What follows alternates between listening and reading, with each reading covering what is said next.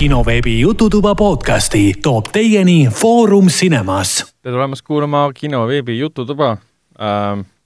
peaks teistmoodi tegema seda algust mõnikord ka, muidu ma oleks öelnud jälle, et kinoveebi, kinoveeb.ee ametlik podcast, Jututuba, taskuhääling ja kõike seda minuga koos on saates äh, Hendrik ja Ragnar. Hendrik on äh, minu lihane vend. Hendrik ja Ragnar ja Helen, issand jumal okay.. vaatasin, vaatasin Helenile otsa ja ütlesin Hendrik ja Ragnar aga selle kohustusliku tutvustusringi ma teen ikkagi ära, et äh, Helen on siis äh, filmikriitik ja filmistsenarist. ja, ja Hendrik äh, on siis äh, minu vend ja ühtlasi ka Foorum Cinemas programmi spetsialist. tere! kes on ka tegelikult filmistsenarist ja mina olen ka tegelikult filmistsenarist ja tere. olen ka kinoveebi, kinoveebi peatoimetaja tere wow.! algus läks väga hukka muidugi aga vaheldus ongi vaja, vaata, meil on teistsuguseid alguseid vaja, muidu on kogu aeg kõik hästi vähe midagi originaalsemat. nojah, muidu inimestele tundub, et me siin algused on kõik introd on tegelikult ette salvestatud ja Jep. ise neid asju ei tee, vaata. mitmes saade meil tuleb nüüd? Äh, meil on kahekümne kaheksas saade. ebareaalne. Äh, ma just tulin ühelt teiselt podcastilt, äh, kus meil on, kus ma olen kogu aeg olnud ja mm, seal oli meil kahesaja kolmekümne teine saade hmm.. Oh mm, -hmm. oi jumal küll liiga palju podcast'e. There are too many podcasts yeah.. Uh, enne kui edasi lähme filmide ja seriaalide juurde, mida oleme siin kahe podcast'i vahepeal vaadanud uh,, mainin ära, et siis kinoveebi Jututuba on leitav Delfi taskus, SoundCloudis, Apple podcastis, Spotify's, Google podcastis ja kõikides teistes podcast'i rakendustes. ja kui te tahate meile kirjutada, joonistada, head sõnu öelda või halbu sõnu öelda, kritiseerida uh, -oh. kommenteerida uh, -oh siis võite seda alati teha kas siis kinoveebi Facebooki kaudu, mulle lihtsalt kirjutada, mina neid loen, või siis kirjutage meile jututuba, et äh, kinoveeb.ee. aga selle noodi pealt lähmegi edasi filmide ja seriaalide juurde, mis me oleme vahepeal äh, vaadanud äh,. alustame jälle Helenist. Nonii äh,, eelmine kord Hendrik rääkis sellisest sarjast nagu Castlevania ja minul siis tuli hirmus isu peale, et seda vaadata mm. -hmm ja muidugi ma vaatasin seda pärast tööd ja siis äh, viskasin pikali ja siis ma ei saanudki ühel hetkel aru, et ma tegelikult jäin magama, et jube chill oli. aga asi ei olnud üldse selles, et see oleks halb või igav olnud, see oli lihtsalt nii smoothing. oli küll, jah. ja siis äh,, siis ma mõtlesin, et oot-oot-oot-oot-oot, nii nüüd küll need asjad ei lähe ja siis vaatasin, et äh, umbes kus kohas ma siis magama olin jäänud, suht päris alguses tegelikult täitsa üllatus nagu. aga siis ma panin edasi ja hakkasin vaatama ja mulle täiega meeldis, täiega äge. et äh, alguses oligi see, et kui nagu päris algus on esimene episood, siis oli niisugune tunne, et hmm, et miks nad ikkagi ei teinud seda nagu filmi live action kujul mingisuguse mm. asjana aga mida rohkem edasi vaatad, seda rohkem nagu on see sisuline ja visuaalne pool on, on tõesti animatsioonile väga-väga sobilik ja mõnus ja värvid ja, ja karakterid ja, ja need igasugused uh, hullused, mis seal, mis seal toimuvad, et need uh, sobivad animatsioonina väga hästi mm. ja mis mulle hullult meeldib veel, et noh, ma olen jõudnud kogemata nüüd juba teise hooaja teise episoodini. jaa, siis päris, ma olen umbes sama kaugel kui sina. päris, päris alguses olen äh, teisel hooajal ja siis äh, äh, siis ma mõtlesingi korraks, et, et vau, kuidas see nii äkki juhtus, aga lihtsalt kogu see lugu on nii hästi jutustatud, et äh, on üks kindel liin, Castlevania juba vihti, vihjab sellele, eks ole, et see on mingisugune Vania värk, et äh, Dracula loomulikult ja ta, kuidas Dracula on esi-, tattoo'd ja, ja kõik need karakterid tema ümber, et need on niisugune hästi-hästi konkreetselt äh, ja väga osavalt välja joonistatud. ja just see, et kuidas neid äh, karaktereid ka nagu jupp jupi haaval näidatakse ja esitletakse, et mingisugused flashbackid tekivad ühel hetkel ja siis äh, see ongi see, et sa saad nagu teada, kes need peategelased on, mida nad tahavad, mis probleemid on, kõlab nagu seebikas, tegelikult ei ole seebikas. et äh,, et hästi-hästi-hästi-hästi põnev on, tegelikult on hästi-hästi põnev, mulle hullult meeldib jah, ma olen kahetsen, et ma seda juba varem ei vaadanud. ma ei, tegelikult ei oleks teadnud, et see on, sest ta, mis mind korraks nagu häiris, oli see, et ta näeb välja nagu mingi Jaapani anime või mingi niisugune, et veits sama stiilis on küll, jah. et on nagu lääne versioon ja, Jaapani animest. jah, just. et äh, neid ma ei ole nagu väga palju vaadanud, ma olen neid vaadanud, ega noh, ma ei saaks öelda, et ma hull fänn olen, aga jällegi, kuna see lugu ja kõik need tegelased ja visuaal on hästi-hästi niisugused mõnsad ja, ja ja head vaadata, siis nagu harjub sellega ära ja siis nagu ei olegi seda üldse tähele pannud, et ähm, väga-väga mõnus on mm. mulle meeldis se- selle seriaali juures, no siiamaani meeldib, tähendab, see ootamatus. no milline no ootamatu kas või see sama ootamatus, et ma arvasin, et ma teadsin, Jaa. mismoodi Dracula lugusid tavaliselt jutustatakse mm, -hmm. et mis seal hästi tegelikult toimub. aga see, mis motivatsioon on talle antud, miks ta on Mhm. muutunud kurjaks ja Mhm. verejanuliseks, noh, seda võib kas või mainida, et nagu ei või? ei, ei Ei no no,, tõenäoliselt see- mitte. see ei ole spoiler, nagunii on. et tal on loss alati ütlete, et ei ole, siis on. aa, sa tahad seda et tal on öelda? loss, ära ütle, see oli jumala hea üllatus no ma on, mitte midagi ja ongi, teine asi ongi see, et selles äh, sarjas on üllatusi, mis on üliäge. kas see juba oli või? see oli ära jaa. see oli nii, see oli nii mul oli efektne. tõesti niimoodi, et vau, vau, vau, oot, oot, oot oot ma pean No tagasi põhimõtteliselt- panema. no see asi, liiku- liikumine, aa, okei, seda, seda mõtlesidki, eks? no Üt- ütleme nii, et Draculal selles Castlevania äh, sarjas on ähm, tema, tema, temal ja tema elul on mingid teatavad äh, üllatavad elemendid, mida sa pole elu sees varem nagu näinudki või harjunud Mhm. mm. nägema. Mm. et see ei ole selline Dracula, see pole sinu isa Dracula nii-öelda mm, -hmm. see Mhm. pole sinu ema Dracula, see on, see on hoopis nagu mo- moodne Dracula mingis mõttes, aga samas on see kõik väga vana mood nagu vähe, nii vä-, nii vana mood Mhm. kui vähegi võimalik. et siin on teatavad üllatused, kuidas äh,, kuidas võiks Dracula äh, olemas olla. olemas olla äh, maailmas, mis on väga suur. sest äh, see, mis, mis see eelmine podcast rääkisid, oligi see ka, et, et ta on hästi kiriku nagu vastane ja mm. -hmm. see on ka äh,, mulle hullult meeldib see, aga samas on see loo jutustamise poolelt hästi selline mm, oluline ja väga hea viis, kuidas nagu mingisugust äh, äh, karakterit ja olustikku hästi suureks, jõhkraks ja tugevaks mängida, et see on nagu niisugune, ma ei tea, story device võib-olla, et, et, et, et mis nagu paneb sinna seda ekstra nagu niisugust Mm. mm. vimma sisse, mingi see on nagu üks, üks väga hea põhjendus, et miks on, miks on vampiir äh, Dracula, kes on väga kaua aega elanud mm. Inimkonna peale vihane. ja ta mõistab nende niisugust pimedust ja, ja, Jaa. ja välklust ja, ja täiesti põhjendamatut hirmu ja kõike no see on seda. niisugune hirmus keskaeg ka, et need, need äh, tõdemused, mida Dracula Mm. teeb inimeste kohta pärast teatavaid sündmuseid või tegusid, on um- umbes selline, et mingi Mhm. ma olen sinuga täpselt samas koadis, jumala nõus, et lase käia. tee, tee, mis hing ihkab, et noh, sul ei ole küll seda, aga no lase ma, käia ma. arvasin, et Dracula on nagu peategelane, aga tegelikult äh, seal on noh, palju olusid, Jaa, oluliselt tegelasi jaa. tegelikult. Ensemble cast. jah, et see üks on siis äh,, perekonnanimi on Belmont, põhimõtteliselt mm Mhm. -hmm. tema kohta öelda. Belmonti kohta ma tean nii palju jah, et ta on tõesti olnud Castlevania mängudes ka olnud üks mina ei, tegelane. mina seda ei teadnud. Mina ei tea ka mitte see nimi midagi. kõlas kuidagi tuttavalt. aga ta on ikka niisugune räme tüüpiline douche nagu, et every, Jaa. kõik teised tõmmake kuskile, mul on suva teist, onju. kelle, kellel on nagu väga, väga julm see traagiline taust. täpselt, tal on traagiline taust, julm äh, minevik, tal on õigustatud olla douche absoluutselt, ja siis teatavad sündmused toovad temast selle headuse Mm. õigluse, mille eest ta kunagi seisis, mille eest tema perekond seisis tagasi põhimõtteliselt.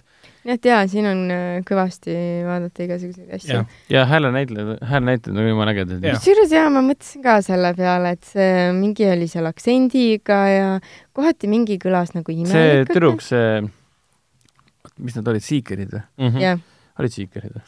spiiker. Speakerid, see Speakerite see tüdruk, kes lööb kampa Belmontiga, tal on mingi, mingi imelik aktsent juures, ma ei saanud Mhm. täpselt aru, mis ta ma on. arvan, et see on mingi latino, aga ma, ma nagu subtiitritest vaatasin nimesid, aga teistel Aga selle ma ei spiikerite rühmitusel vist olid ka aktsendid.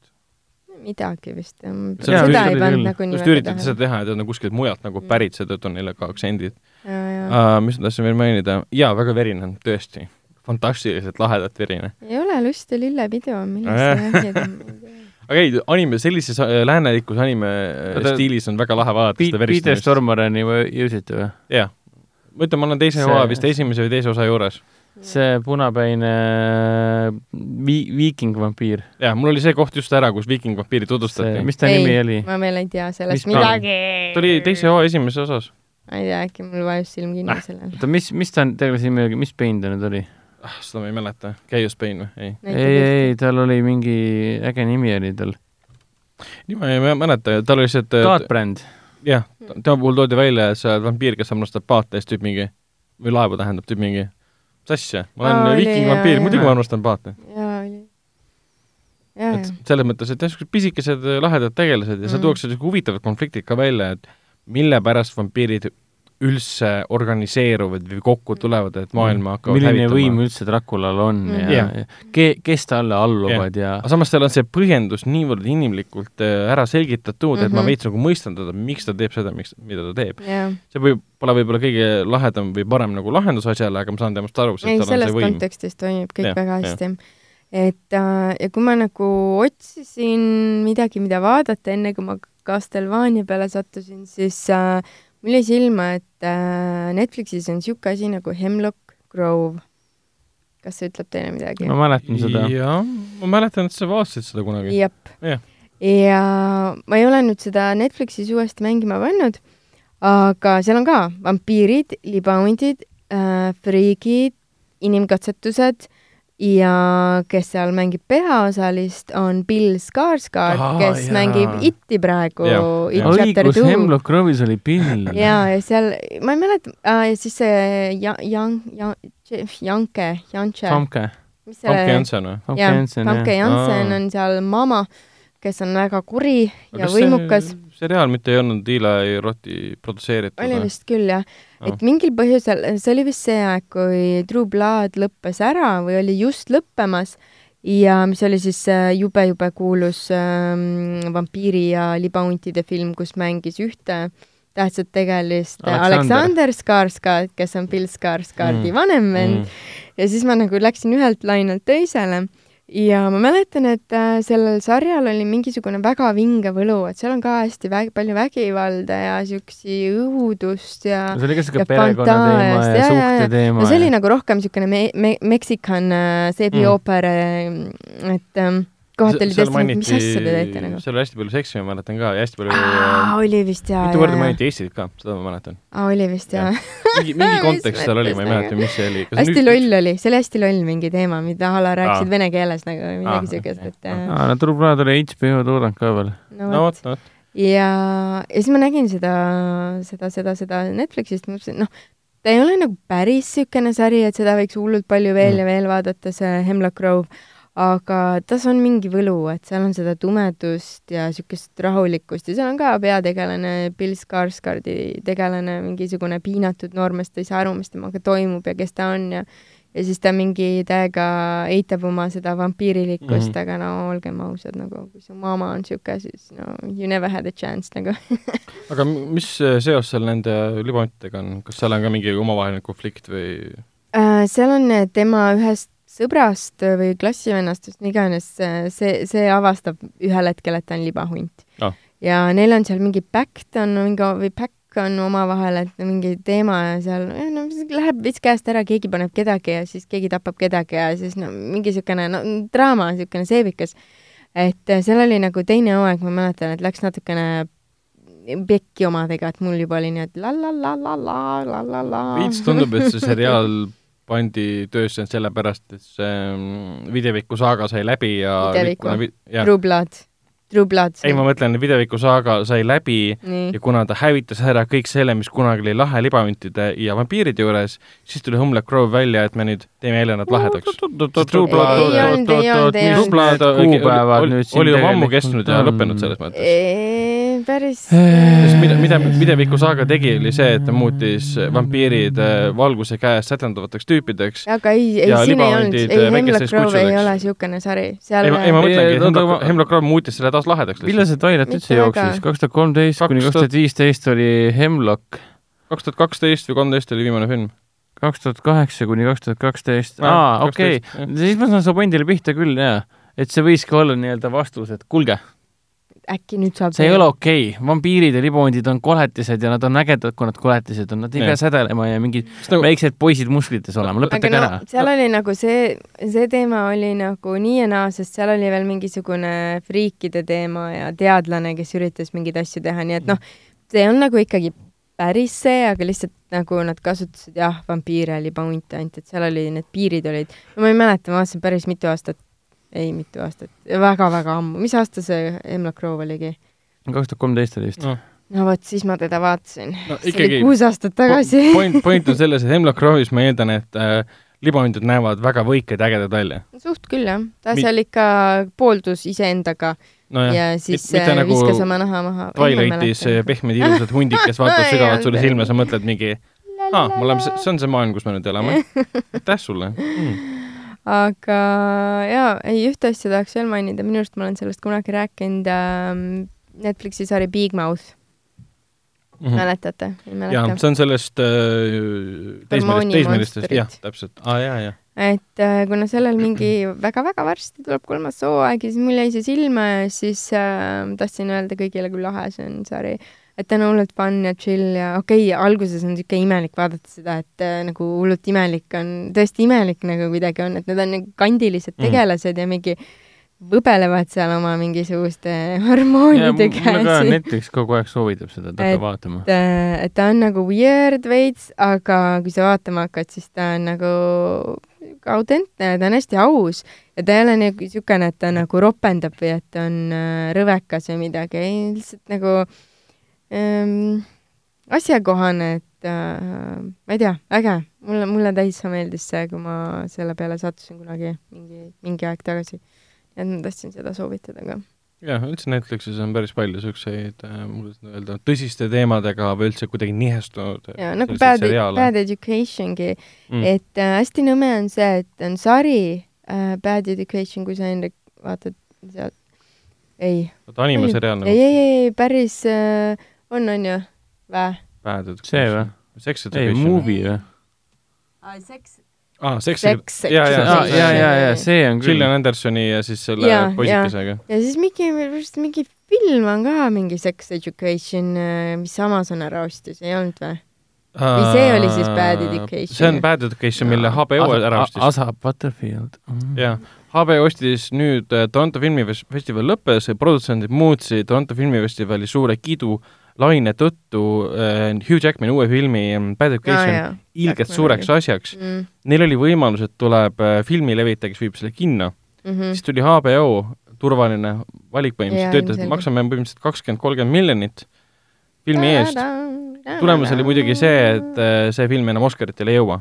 Kuna ta Neil vist on suva ka, see hunniku pappi. seal veits insiderid rääkisid, et kuna seal mängib see Alison Janney, kes juba Oscari võitis korra selle, selle ilusütlemise filmi eest, kus see ta Toonja või? jah, täpselt. ja seal mingi Hugh Jackman, nemad tahtsid tegelikult äh, Oscari kampaanias osaleda. aga stuudio otsustas, et me ei hakka nagu raha kulutama räigelt selle peale, et teha Oscari kampaaniat, vaid selle asemel teenime kohe paycheck'i välja, müüme maha. mm.. et HBO põhimõtteliselt annab selle ühel hetkel välja, mis meie jaoks tähendab seda, et see film tuleb äh, HBO-sse siis ühel hetkel siis Telia Okei. kaudu um,. jah, ühesõnaga Netflixis Sex Education vist oli üks hooaeg, tuleb kindlasti teine, sest see oli üliülipopulaarne. samamoodi, et äh, see ei ole nüüd animatsioon, et Big Mouth on animatsioon, et äh, Sex Education on äh, äh, tiinekatest Briti, ma ei tea, keskainimesed mm, Mhm. -hmm. neiud, noormehed, something, something äh,. lõbus, natukene tõsine, natukene selline äh, julm, aga noh, keskkool ongi niisugune kohutav aeg. seal on muidugi hea point asjale leitud ka, poisi ema on jaa, seksiterapeut jaa, ja poiss ise on selline, et äh, ta ei võta ema no õpetussõnu clue vastu. nagu, ja jah ta on täiesti selline, et ta, ta Ta ei suuda neid asju teha, mida jaa. ema tahab, et ta teeks. ema on sundinud teda tead-, teadmistele mingi eluaeg ja siis poisile nagu nope, nope, nope, ja siis p- poiss põhimõtteliselt ühel hetkel otsustab nope. sa vaatasid seda? jaa, jah, aa, okei. neiu abiga, et ta hakkab koolis pakkuma sedasama teenust. õige jah Äh,, ja siis õige siis läkski lappama kõik nagu. täpselt WC-des Nemad hakkavad siis te teraapiat tegema ja, ja, ja siis kä- cash ivad raha Jah, sisse ja kogu aeg mingi jõu, jõu, jõu. no mis sa arvad, kui tiinekas soovitab teisele tiinekale midagi no Mm. head, noh, ei saa lõpeb hästi. see ühe- ühel hetkel jah, läks asi käest, asi käest ära, aga väga tore ja niisugune inimlik ja niisugune naljakas, naljakas seriaal. et äh, nii palju siis minu Netflixi äh, seiklustest. seiklustest, et sest ülejäänud aja mina seiklesin ühe teise podcast'i lainel mis oli eesti keeles, mille nimi on Tussisööjad, nemad harivad ka oi-oi, mis see üks hari tea. haripunkt seal oli siis? oh jumal, seal oli neid äh, iga minuti tagant mitu. sa said teada siis, et miks on kraanikausid nii madalal? ja ma sain teada, miks kraanikausid tegelikult nii madalal on, kõik on puhas tõde, mis nad räägivad seal. ja siis ma sain veel teada mm, igast asjadest. oh, ma ei teagi. Ei Okei. hakka rääkima vist, aga soovitan ka meil on kuulata. lastesõbralik ra- saade ikkagi. meil on, mis meil on PG äh, 13. parental guidance äh, never nagu vist on. pigem, pigem soovitatud, et võta, võta vanem kaasa, kui kuulad meie ja, saadet ja, mm,. aga, aga, aga tussisööjad on tsenseerimata ropud ja naljakad ja väga aga hea ka siis jah? Nad on ja, nagu teravad või? ja ikka, kas nad on sotsiaalkriitilised ka või? ja ikka. isegi, oota, kellest nad, nad räägivad kõigist. Nad nad ei põe seda, et see üks saade oli see Terminal, kus nad rääkisid poole sõnaga sellest. teeterminal. jah, Teeterminal. rääkisid sellest Joe Roganist ka. aa jaa, nad räägivad hästi palju stand-up'i ja koomikutest. ta on see stand-up tüüp ja teeb oma podcast'i Joe Rogan. Experience, et tüüp on nagu räigelt steroidide peal lihtsalt konstantselt, et ta suudab teha kõiki asju järjest, käia kuskil mingit show'd kommenteerimas, teha mm. podcast'i, käia stand-up'i tegemas ja järjest niimoodi üldse ei maga vahepeal mm. -hmm. -hmm. ta arvates, et seal, jaa, peaks ka tarbima neid steroide, mida siis Joe Rogan tarbib, et noh mm.. ja siis nad rääkisid väga värvikalt ka ühest äh,, issand jumal, mis selle filmi nimi oli, mingi Jake Gyllenhaal ja something. peaksite seda kohta kuulama, see oli päris äh, Mm. mis film see olla võis? oota, las ma korra mõtlen. loetleme kõik Jake Gyllenhaali, uus film või? ei, vana.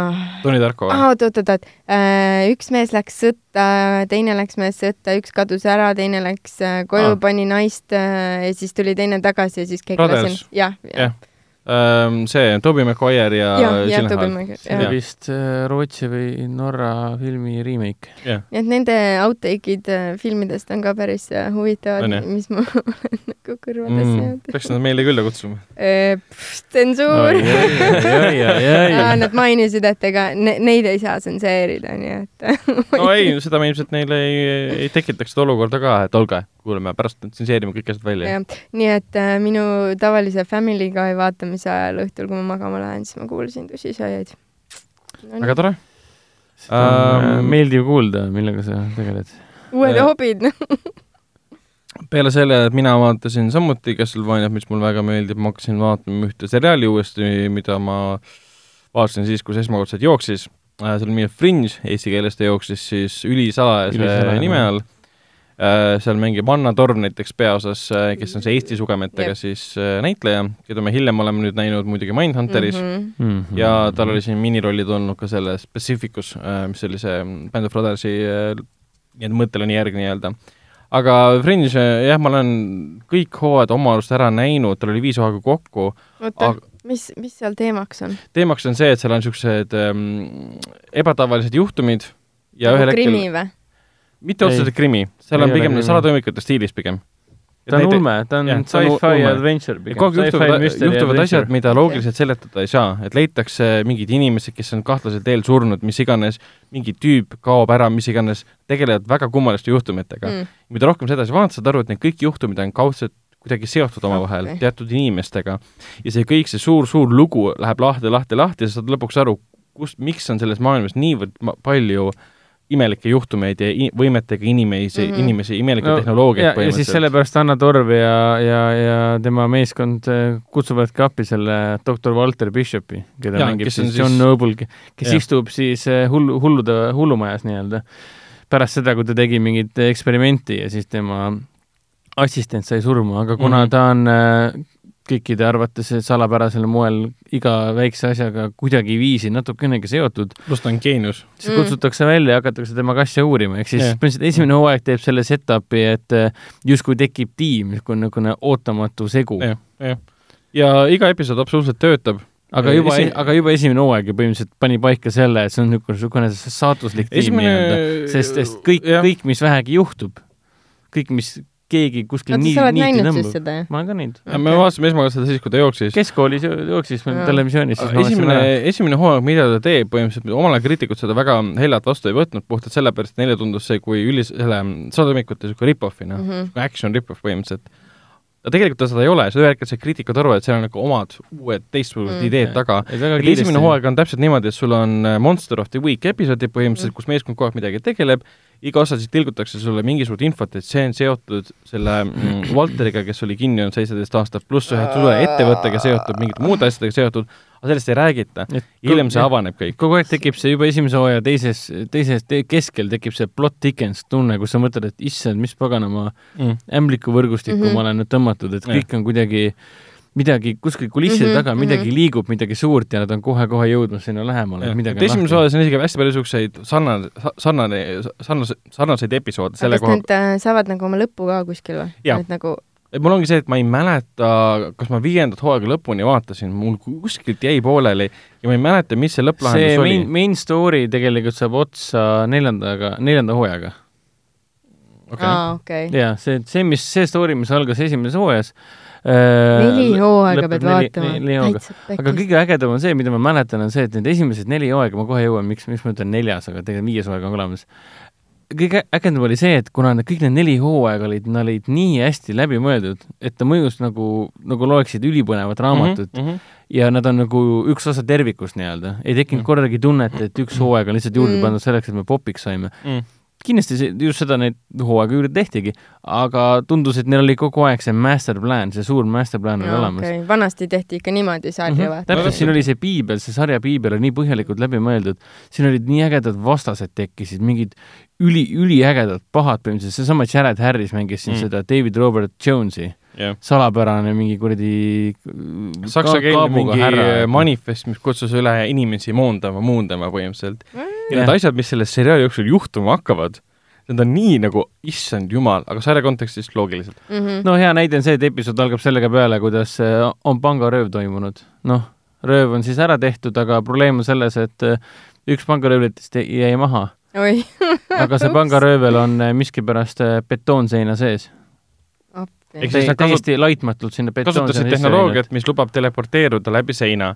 Hakkavad uurima, kõik, kuidas seda tehnoloogiat on võimalik üldse rakendada, sellist asja luua. ja siis ja see Walter on, Bishop, kes on seitseteist aastat hullumajas olnud mm, -hmm. teab seda väga hästi, siis tal tuleb meelde, sellepärast, et see tehnoloogia noor- pärineb tema, tema ma noor mees olen, siis ma Mm. tegin seda, aga tal on lihtsalt see, et ta on veits hull ja ta ei mäleta enam asju. ta on meelega, ta on meelega iseennast rikkunud, sest tal oli see teema, et äh, ta hakkas iseennast vihkama sellisena, nagu ta oli ja ta otsustas ennast nagu äh, rikkuda, et ta ei teaks enam seda kõike. sest tema info, see, mida crazy ta suutis välja mõelda, oleks rikkunud kogu maailma tasakaalu põhimõtteliselt ära ja ühe teatava protseduuri läbi viia mm. -hmm. et eemaldada mingid infokillud, et valed inimesed selle enda kätte ei saaks. Mm. ja seetõttu ongi kõik veorikud asjad seotud temaga ja ühe ja tema, tema on, tema on see funny guy nii-öelda see ja sarjas. see on nats naljakas ka siis või? Jaa. jaa.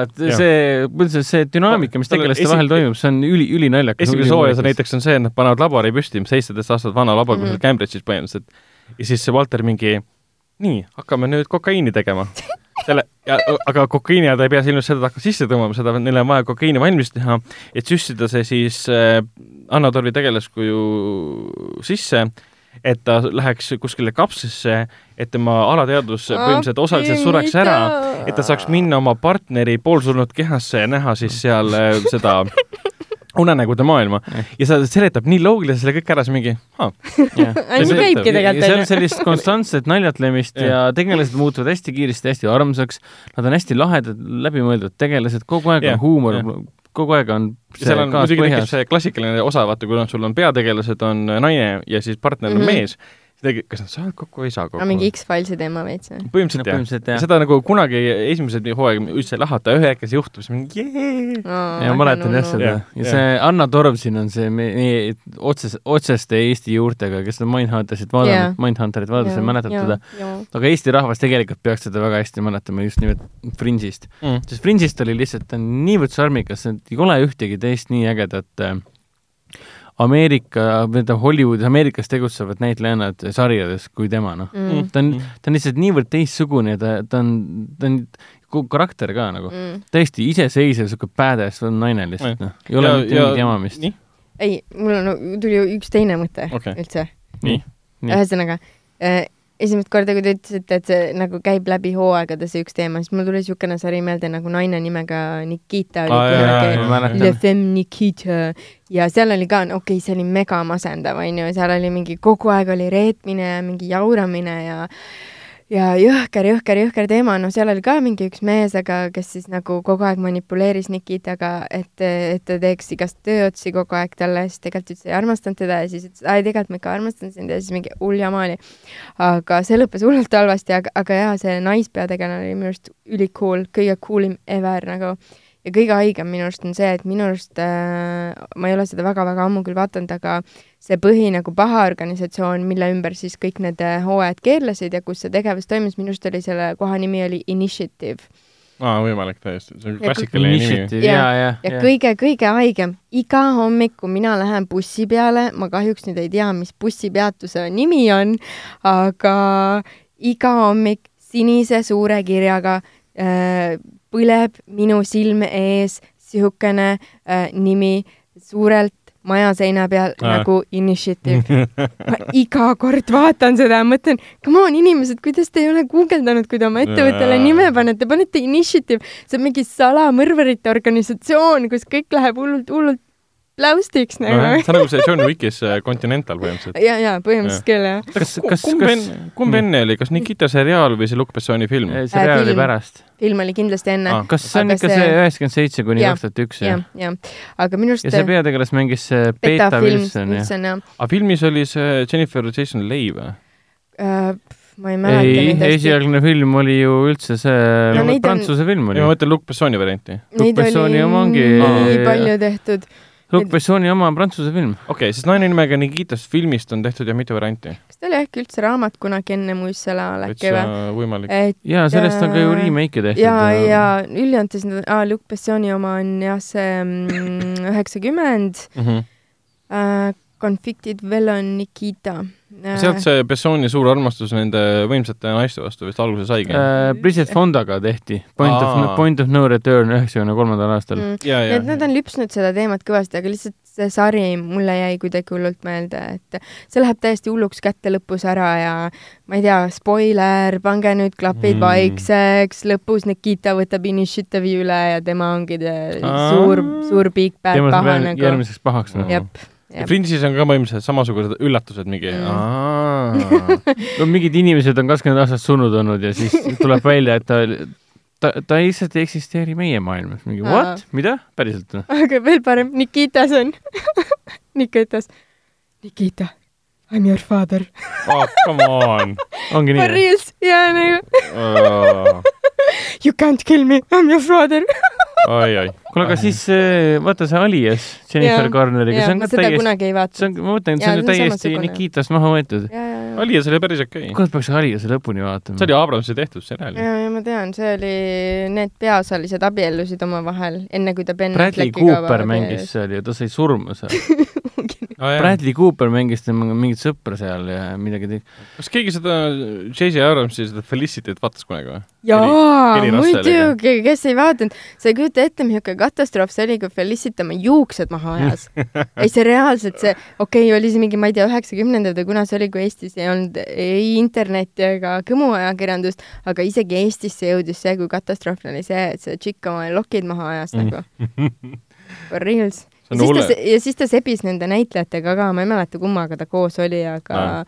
aga ta oli ka koos ja, ma, ma vaatasin mingit äh, videosseed äh, Patrick H. Williams äh,, kus ta üritas äh,, vaatas järjest üle kõik Felicity episoodid, äh, üritas selle põhjal analüüsida, mis toimub Felicity's, et mis filmi teeb äh, Abrams siis viimase, viimasest Star Warsi filmist nagu, et No. aru saada selle põhjal. ja ta ütles umbes, et ta ei saanud, ütles, et see on täiesti mõttetu nagu.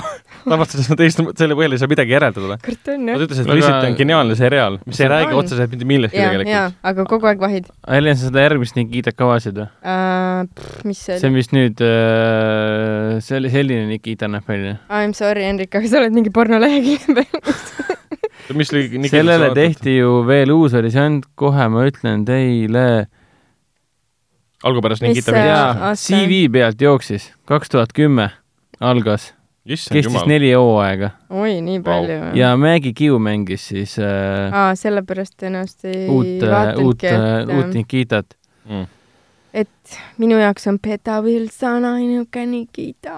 jaa, aga rääkides Aliasest, ma pean välja uurima, kus ma seda Aliast näha saan, sest ma mäletan, Aliasel oli täpselt sama teema, mis pärast oli ju selle Lostiga ja pärast oli selle no Lost oli kohe algusest peale, aga selle Fringe'iga, sa vaatad Aliast, okei okay,, sul on siin räme perekonnadraamas, mu issi töötab seal mm -hmm. ja siis Mhm. D6 oli ju, oli midagi taolist või? ST6 või S, ST6 midagi taolist. variorganisatsioon. kogu point oli selles, et mingi esimene hooaeg vaatame seda sarja, okei okay,, okei okay,, ma töötan FBI, FBI jaoks ja vist esimeses hooajas me kohe oli sel-, tuli, tuli see twist mingi, kus Jennifer Garneri tegelane, mingi Sydney Bristow avastas, et oota, ma ei töötagi FBI, FBI jaoks, ma töötan anti-FBI jaoks või? jah, aa, ja selle anti-FBI Okei. juht on mingisugune tüüp, kes ajab taga mingit iidset artefakti, mis muudab maailma. ja see on see Abramsi stiil, me alustame normaalselt ja ühel hetkel paneme ulme sisse. see asi läks aina krüptilisemaks ja müstilisemaks Jaa. ja lõpuks tuli tema ema tagasi, kes oli jaa, äge, äge venelanna ja mida iganes veel. Ma nagu midagi mäletan, ta oli a la mingi Eesti Arvin kanali. Sloan, Arvin Sloan oli see tegelane. et äh, seal oligi see, et ma tõenäoliselt sattusin mingi siukse episoodi peal, kus asjad olid nagu way out of line Mm. nagu crazy ja siis mul oligi see, et ei, ma ei viitsi siukest asja küll vaadata. ma mäletan seda algust heidet siiamaani, seda muusikat ja kõike seda. sest tal oli tuhat erinevat kostüümi seal, ja, ja. tegi tantsu ja võttis riideid seljast ära ja pani peale ja parukad ja, jah. ja seda ma mäletan ka nagu. Ja praegu Youtube, Youtube'i algoritm pakub mulle kogu aeg mingit videot, mida ma siiamaani pole kordagi vaadanud, noh, kus pärid, päris spioonid vaatavad spioniseriaalidest ja filmidest Naeravad ma olen, ka ma olen, seda näinud ja jah? seal see tüüp ütles, vaatas Aliases klippe ja Aliase kohta ta ütles, et jaa, täpselt niimoodi tehaksegi. aga selles mõttes, et ma ei mäleta, millega ta võrdles mingi teise asjaga, kus siis põhimõtteliselt randomly lihtsalt natukene midagi enda juures muudeti, et kuskilt piirikontrollist mm. -hmm. läbi minna ja siis see tüüp ütles, et keegi ei tee niisugust asja, loomulikult sa saad kohe aru, et see tema on mm.. mm -hmm. aga siis, kui tuli see mm, Jennifer Garneri Sydney Bristol, kes läks sinna lennujaama, et siis uue identiteediga passi kontrollist läbi saada, et siis see tüüp vaatas mingi, lisaks sellele, et see tegelane näitleb täiesti teist inimest mm, Mhm. -hmm. näeb ta välja mingi obnox-, obnoxious fuck põhimõtteliselt. see on suurepärane, ta peabki selline olema keegi ei saa aru, et see tema on mm. -hmm. et ta kiitis põhimõtteliselt Alias selle eest, et ta väga autentne. mm. okei, panin endale praegu äh, mällu ära nii-öelda Aliase, et pean leidma viisi, kuidas seda vaatama hakata. see ongi see, et neid äh, vanu seriaale on äh, väga raske leida kuskilt, sellepärast et Eestis vähemalt Amazonis ega kuskil TV Play's ega Netflixis ei ole mingit Fringe'i, ei ole Aliast, ei Mm. ole Felicity't, USA-s jah, neil on suva. ja neil kuskilt, kuskilt Jah. tuleb nagunii, seal on need rerunsid ju ja, ja. ja läbi rerunsid äh, ju teenivad raha Jah. endiselt näitlejad, kirjutajad, režissöörid, produtsendid. et, et seal nagu see on tööstus, mis kogu aeg toodab. jah, ja nüüd nagu see, et äh, Netflix ostis Seinfeldi ära. ja mis oli. kaheksakümnendatel ju nad tegid selle. kaheksakümmend üheksa kuni üheksakümmend noh, see kaheksa vist oli, okei. viiesaja miljoni eest põhimõtteliselt. nüüd nad teenivad niimoodi raha, mitte Jaa. rerun'ide pealt, lihtsalt ostetakse ära, tüübid mingi ok- okei okay,, that's, that's fine nagu. Just give me money nagu. ammu unustanud selle seriaali. keegi pole famouski enam noh. Amazonis on Lost olemas või? ei ole, Lost on ainult äh, Hulus. ja Hulut Hulu. Eestis pole. ja kuigi Hulu on Hulu. Amazoni oma osa, vaata. põhimõtteliselt selle Hulul on, kui ma Hulut sa saad kasutada kui sul on PlayStation neli ja see on ja, PlayStation neli oled sa registreerinud USA-sse, mm. siis läbi selle sa saad vaadata põhimõtteliselt. Hulu värk on lihtsalt see, et ta on nagu ad supported ehk siis äh, sa näed commercial'it ja ma ei tea, maksad vähem või vist no minu nagu PlayStation neli on ikka rohkem siin Euroopas. ei, selles mõttes ma ennustan praegu, et ko- kohast tuleb järgmine uudis, et Netflix ostis ära Hulu, viie aasta, ei, Hulu on Foxi oma osaliselt. Aga Netflix ostab ära Losti näitamisõigused järgmiseks viieks aastaks jälle mingisuguse miljoni dollari eest. see oleks jumala geniaalne, ma vaataks hea meelega Losti uuesti. ma mingi aeg hakkasin uuesti vaatama, sa vaatad seda kuskilt netist mingilt lehelt põhimõtteliselt mm, ja halb kvaliteet ja sa ei jaksa vaadata sealt. Et tõenäoliselt siukseid asju USA-s, USA Netflixides ja Amazonides on, aga lihtsalt meie oleme siin need vaeslapsed, kes Ida-Euroopas, kes äh, käivad kartulipõllul ja ainult äh, metsas ja meil tegelikult ei ole isegi tegelikult ju seda elektrit või nii. aga okei mis aastas sina elad? okay., eile. oi, oi, no selge. Hendrik pole vahepeal midagi rohkem vaadanud, eks? kuule jaa, ma olen äh, põu, põuaperioodil. sa käisid kinos vähemalt äh, ja siit ongi nagu hea minna edasi kinofilmide peale. et nüüd eelmisel, eelmisel nädalal alustasid siis Eesti kinodes äh, filmid Downton Abbey, millest me ka eelmises saates rääkisime, Kallis isa, millest me rääkisime ka eelmises saates ja muidugi Ükssarvik, millest me rääkisime ka eelmises saates ja tuli välja ka Paharet. ootame kaks sarvikut. jaa, äh, aga millest meie täna räägime, on siis Ohakalind äh,, mis alustab sel nädalal kinodes ja siis Piitsavars äh,, mis on siis vene film Artises ja sõpruses, mis alustas eelmisel nädalal. Äh,. Neid mõlemat filmi on näinud Hendrik.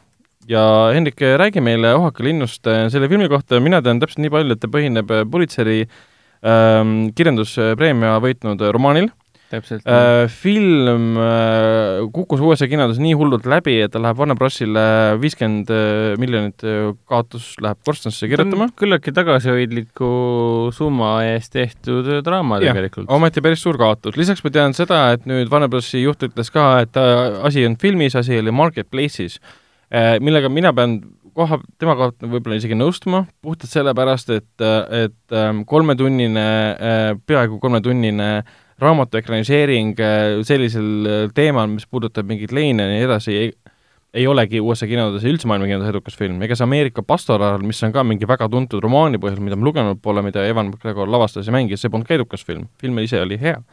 aga kriitikutele ka see üldse ei meeldi, nad põhimõtteliselt annavad sellele aasta halvimaid hinnanguid. aga Hendrik, räägi, mis, kas see kõik vastab tõele või see on lihtsalt kuidagi, kuidagi imelik illusioon inimestel tekkinud, et see film on halb? No ma tahaks öelda, et ma üldse ei nõustu.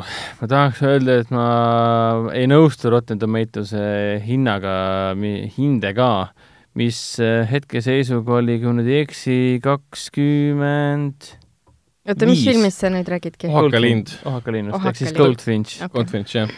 Goldfinch on praegu Rotten Tomatoes'is kakskümmend viis protsenti. ütleme Mm. nii, et sellega ma nüüd küll ei nõustu. selles mõttes, et nagu nii äh, pläust ei olnud jah? noh, ma ei näe seda kahtekümmend viite protsenti sellisest filmist. mainime veel selle ära, et seal peaosas on Ansel Elgort, keda me viimati nägime Baby siis Driver, äh, Driveris Ansel Elgut on peaosas, siin mängib veel ka Nicole Kidman. eh, vana hea Nicole Kidman, kõrvalosades on ka Westworldist väga hästi tuntud Jeffrey Wright näiteks ja Mhm.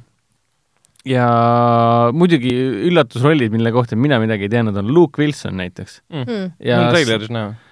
oli või Jah.? aa, ma ei pannud tähelegi, ma, ma tä- täiega lollisin kinos pressilinastusel mingi, ah, Luke Wilson tuli, mis sa teed siin?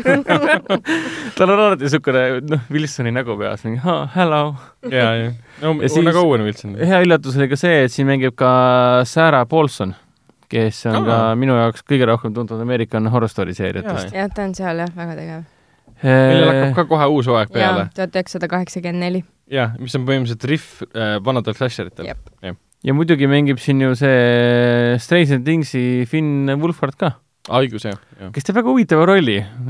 selle ma peatun natukene, natuke hiljem. aga millest see film üldse räägib? vot minuga oligi see asi, et ega mina sellest raamatust midagi ei tea. tähendab mm., ma ei olnud kursis, enne selle filmi treileri välja tulemist mina ei olnud kursis, mis see on tegelikult. siis ma hakkasin uurima, sest üks asi, mis mind ära võlus selle asja juures, et ma olen eelmine aasta oli selle Life Itself'i filmi, Dan Fogelmani Life Itself'iga täpselt samamoodi, vaatasin treilerit, nii ilus treiler, nagu täiesti emotsionaalne, pisarad tulevad silma puhtalt selle treileri põhjal nagu. aga see on see This is Us'i looja. This is Us'i seeria looja ja siis tuli film välja ja kõik vihkasid mingi viisteist protsenti rotten, siis ma mingi, ma ei julge enam vaadata. ja seekord ma võtsin ikkagi südamerindu, et noh, see on taaskord, Life Itself oli ka septembris, mm..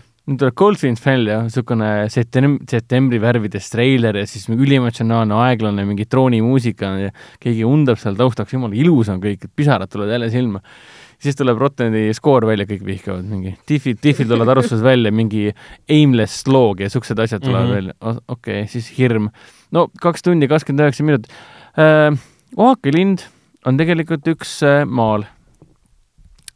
ja see maal on tegelikult selle, selle loo äh, noh, nii-öelda kese Mm -hmm. sest meie peategelane on, tähendab, ma võin selle ära öelda küll, et kogu lugu põhimõtteliselt kõneleb leinast ja kuidas üks noormees püüab läbi kogu oma elu äh, selle eest üle saada ja kuida- kuidas, kuidas ta suhtleb maailma ja ülejäänud inimestega. Mm -hmm. kõik algab sellest, kuidas ta läheb emaga kunstimuuseumisse, seal toimub terrorirünnak väikse poisina siis. jah, tema ema on just nimelt äh, teises, teises ruumis, kui pomm õhku lendab, seda on treileris ka näha ja ema saab surma Mm -hmm. ja viimasel hetkel, enne kui äh, poiss äh, sealt äh, täiesti segaduses äh, üles ärkab, ta korjab üles selle Ohaka linnumaali, seesama maal, mida just tema ja ta ema viimati just vaatasid ja imetlesid. põhimõtteliselt see Ohakalinnu maal on tal viimane mälestus emast nii-öelda. ta võtab selle muuseumis kaasa või? ta on ise väike poiss, mingi üksteist või kaksteist või. ta võtab selle maali kaasa, kolmeteistkümne aastane oli, võtab mm -hmm. selle maali kaasa ja põhimõtteliselt kogu oma elu hoiab seda endaga kaasas ta ja... palastas maali, mis on mingi miljon enda väärt. jah, aga no tema oli kolmteist, tema jaoks oli see maal no, lihtsalt emotsionaalselt seotud süü, sündmuse endaga põhimõtteliselt. siin on ka palju teisi asju tegelikult, miks ta selle maali tegelikult võttis ja, ja seosed nii-öelda tulevad kõik hil-, hiljem, hilisemas elus, saame hiljem teada ja nii edasi. ja siis ta sõbruneb ühe antiikmüüjaga, kelleks on siis Jeffrey Wrighti näidatud tegelane. ja, ja nende vahel lööb lõkkele nii-öelda, lõkkele, okei okay tema nimi on Hobie ehk siis äh, James Hobart, hästi niisugune mentori tüüpi tegelane, kellega mm -hmm. koos ta põhimõtteliselt siis äh, nii-öelda saab isaks, uueks isaks ja kasvatab teda üles nii-öelda. oota, mis tal isast üldse sai? Äh, isa on Luke Wilson ja Aa. isa jõi ja pani minema arm okay. armukesega okay,. Okay. ja tema, tema olnud nagu pildis, aga samal ajal, kui tema kui meie peategelane, mis ta nimi oli, Theodor Decker, Dio samal ajal selle antiikärikaga Mm, üles kasvab nii-öelda, see on üleskasvamise lugu ka, see on, film on põhimõtteliselt üleskasvamise lugu ja üle, üleskasvanud lugu nii-öelda või?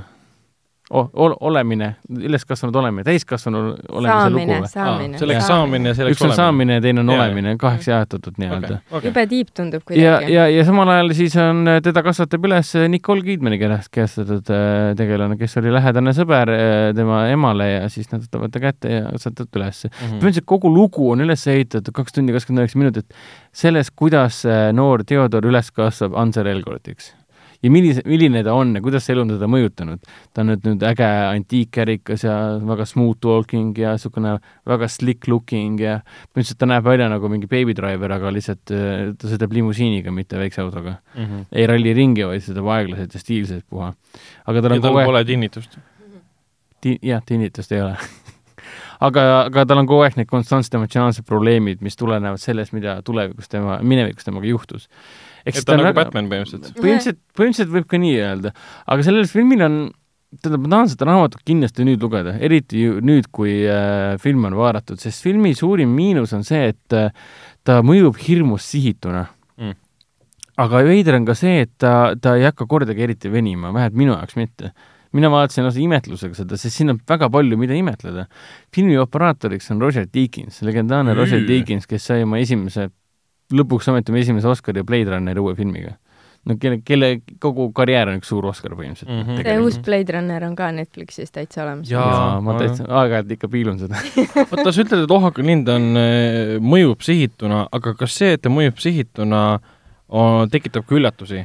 ehk siis sa ei tea täpselt, kuhu see lugedes läheb? jaa, et ühelt poolt see nagu mõjub nagu osast äh, eesmärgist, aga äh, üldjoontes ta pigem häirib mm.. sest kui esimene pool, ütleme nii, et esimesed tund aega tegelikult on äh, täitsa nagu konkreetne film, narratiiv on paigas, kõik on olemas, aga siis, kui ta juba hüppab sinna äh,, teeb selle cut'i ära ja läheb tulevikku, ehk siis Ansel Elgorti versiooniks, siis hakkab ta juba kahte jalga nagu lonkama, siis põhimõtteliselt tege-, tegemist on tegelikult väga kompleksse narratiiviga, sest ta pendeldab erinevate aegade vahel, lapsepõlve vahel ja tuleviku, oleviku vahel, ja ta kogu aeg püüab selgitada jooksvalt erinevaid detaile, mis tema elus on ehk siis teisisõnu äh,, alguses me saame informatsiooni äh, näiteks sedasama Ohaka-Linna maali kohta, lõpupoole saame teada uut informatsiooni, et meile lihtsalt ei öelda välja mingeid asju, mis tegelikult on väga lineaarsed. Mm. -hmm see on muidugi hea tegelikult, sest muidu ma oleksin vaadanud siin järgmist äh, äh mis oligi, Valgus ookeanide vahel, et eks siis sa vaatad kaks ja pool tunni mingit mm -hmm. ilgelt lineaarset asja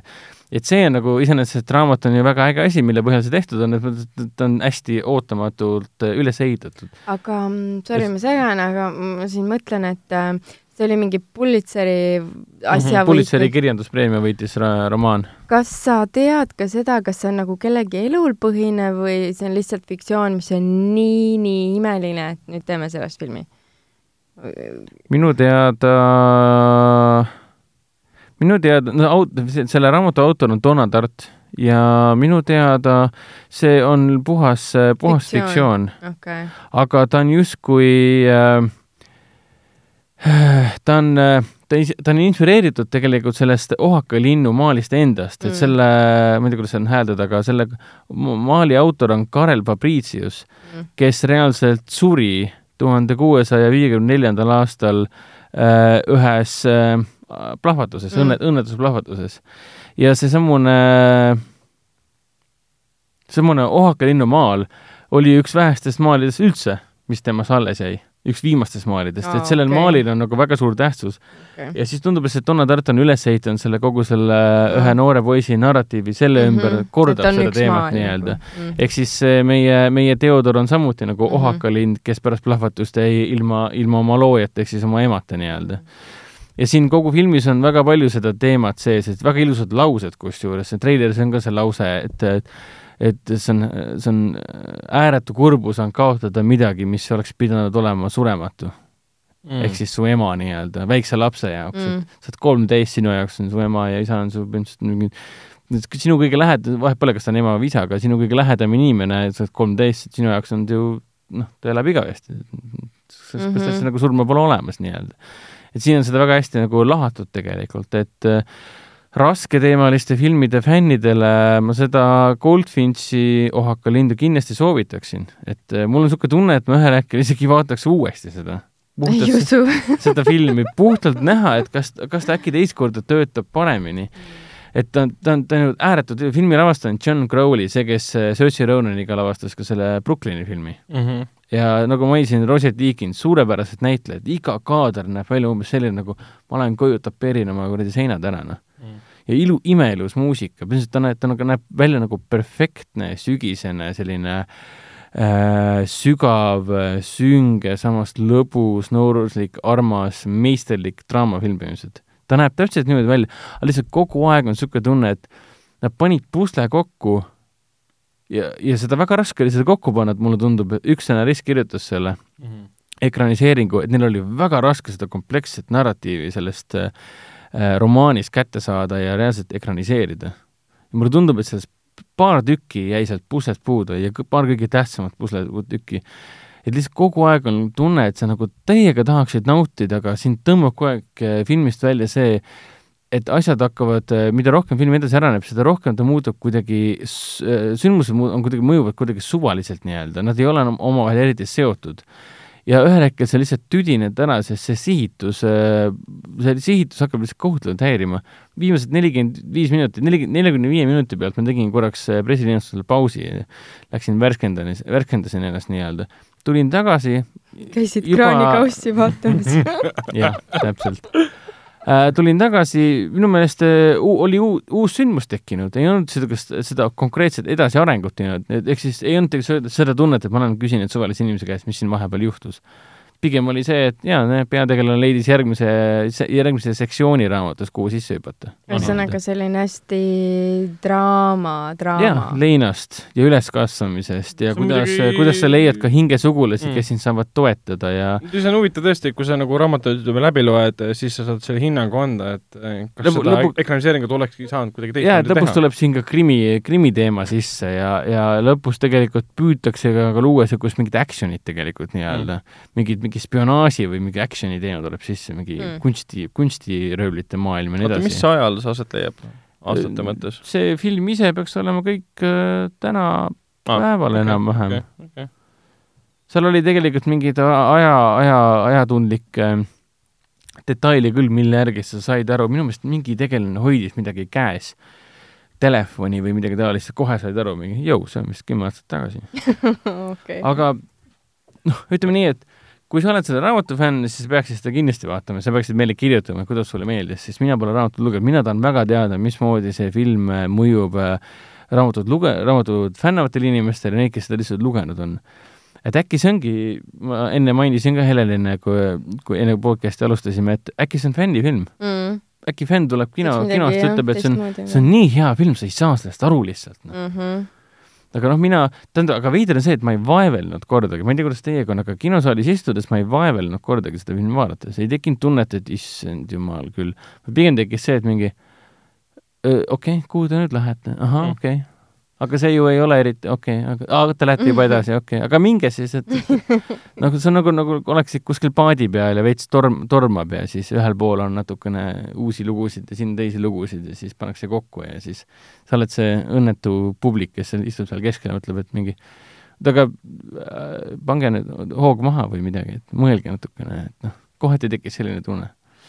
aga muidu ma ütlen, et ta on väga ambitsioonikas äh, mis see, mis see, mis on, mis on see piisavalt negatiivne, aga samas positiivne sõna? aga see oli see ambitsioonikas äh, ei, see oli see pretentious äkki või? ei, see on nagu negatiivne või pretentious või, või umbes see, et ta on- seab endale liiga kõrged eesmärgid äkki või? jaa, ta on ambitsioonikas omaenda- ja tähendab, ta on väga ambitsioonikas, ta seab endale väga kõrged eesmärgid ja ta ta komistab omaenda ambitsioonid otsa. täpselt, ta liiga tihti vaat see ongi see, mida tahtsin öelda. Oaka linn komistab liiga tihti omaenda ambitsioonide otsa ja mulle tundub, et nad, et nad on nii kindlad filmitegijad mm., et nad on, et, et filmitegijad on endas jumala kindlad mm, -hmm. et Mhm. nii peabki olema.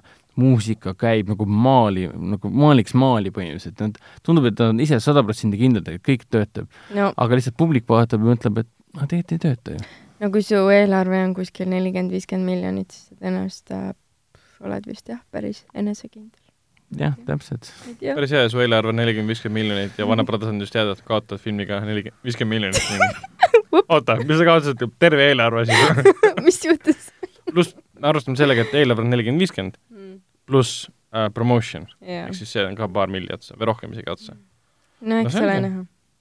äh,. mulle vahepeal meenus üks asi veel, et No. äh, ma vaatasin äh, National Geographicu pealt tuli mm. uus äh, seriaal äh, The Hot Zone. kaks esimest osa äh,. USA-s on ammu juba väljas, aga nüüd Eestis hakkas jooksma Foxi pealt ka. põhimõtteliselt on Ebola outbreak'ist okay. USA-s ja kuidas need viiruse, kuidas seda nimetatakse, professionaalid, kes töötavad viirusekeskuses siis avastavad selle ja üritavad seda siis peatada. ütleme niimoodi, kui ma esimesed kaks episoodi ära vaatasin, siis mul oli niisugune tunne, et haa, ma ei lähe enam kunagi baari või restorani niimoodi, et ma võtan vastu klaasi, kus on kellegi sõrm sees olnud. ma ei võta enam kunagi aga kust sa tead, et see sõrm seal olnud aga kui ma näen seda.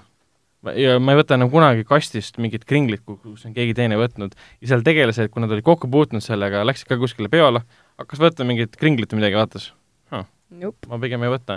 tüüp oli baaris mingi, nägi, kuidas baar, baari äh, Raine tõi talle klaasi, mm. -hmm. hoidis klaasi niimoodi, et sõrm oli pooleldi sees, hakkas sinna sisse kallama, tüüp see vaatas hoiab eemale. niimoodi klaasi, Nojah. ma esimest korda kuulen seda. ma see- tõesti, ma ei saa aru nagu, kus, mis, kes, kes paneb sulle sõrme Mm. klaasi.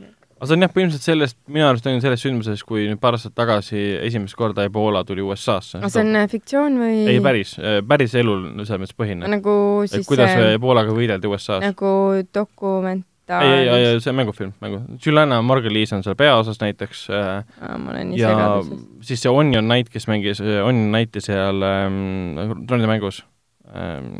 ei ole vaadanud kunagi, ei tea no,. mis see õnn on neid? Onion Knight, noh, teda nimetati niimoodi, see Mm. endine piraat, kes oli Stanise juures, töötas esialgu parem käsi, õppis äh, Shireeni juures äh, kirjutama või lugema, tähendab.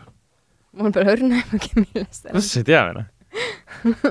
oota, Täni parem käsi, troonide mäng mitte Täni parem käsi, aga mälu siis, kustus selle koha pealt. aa, see Kähtu tüüp või? ei, temast sai Johni parem käsi. oota, ma teen Google, let me google ma ei that mäleta for näitleja you. nime praegu, issand, kui piinlik mida ma see guugeldan? no see wow. Stani see pestikas. jah, no ma tean küll, keda sa mõtled, jah. aga näitleja? Oh my god, mis ta oli, Davos või?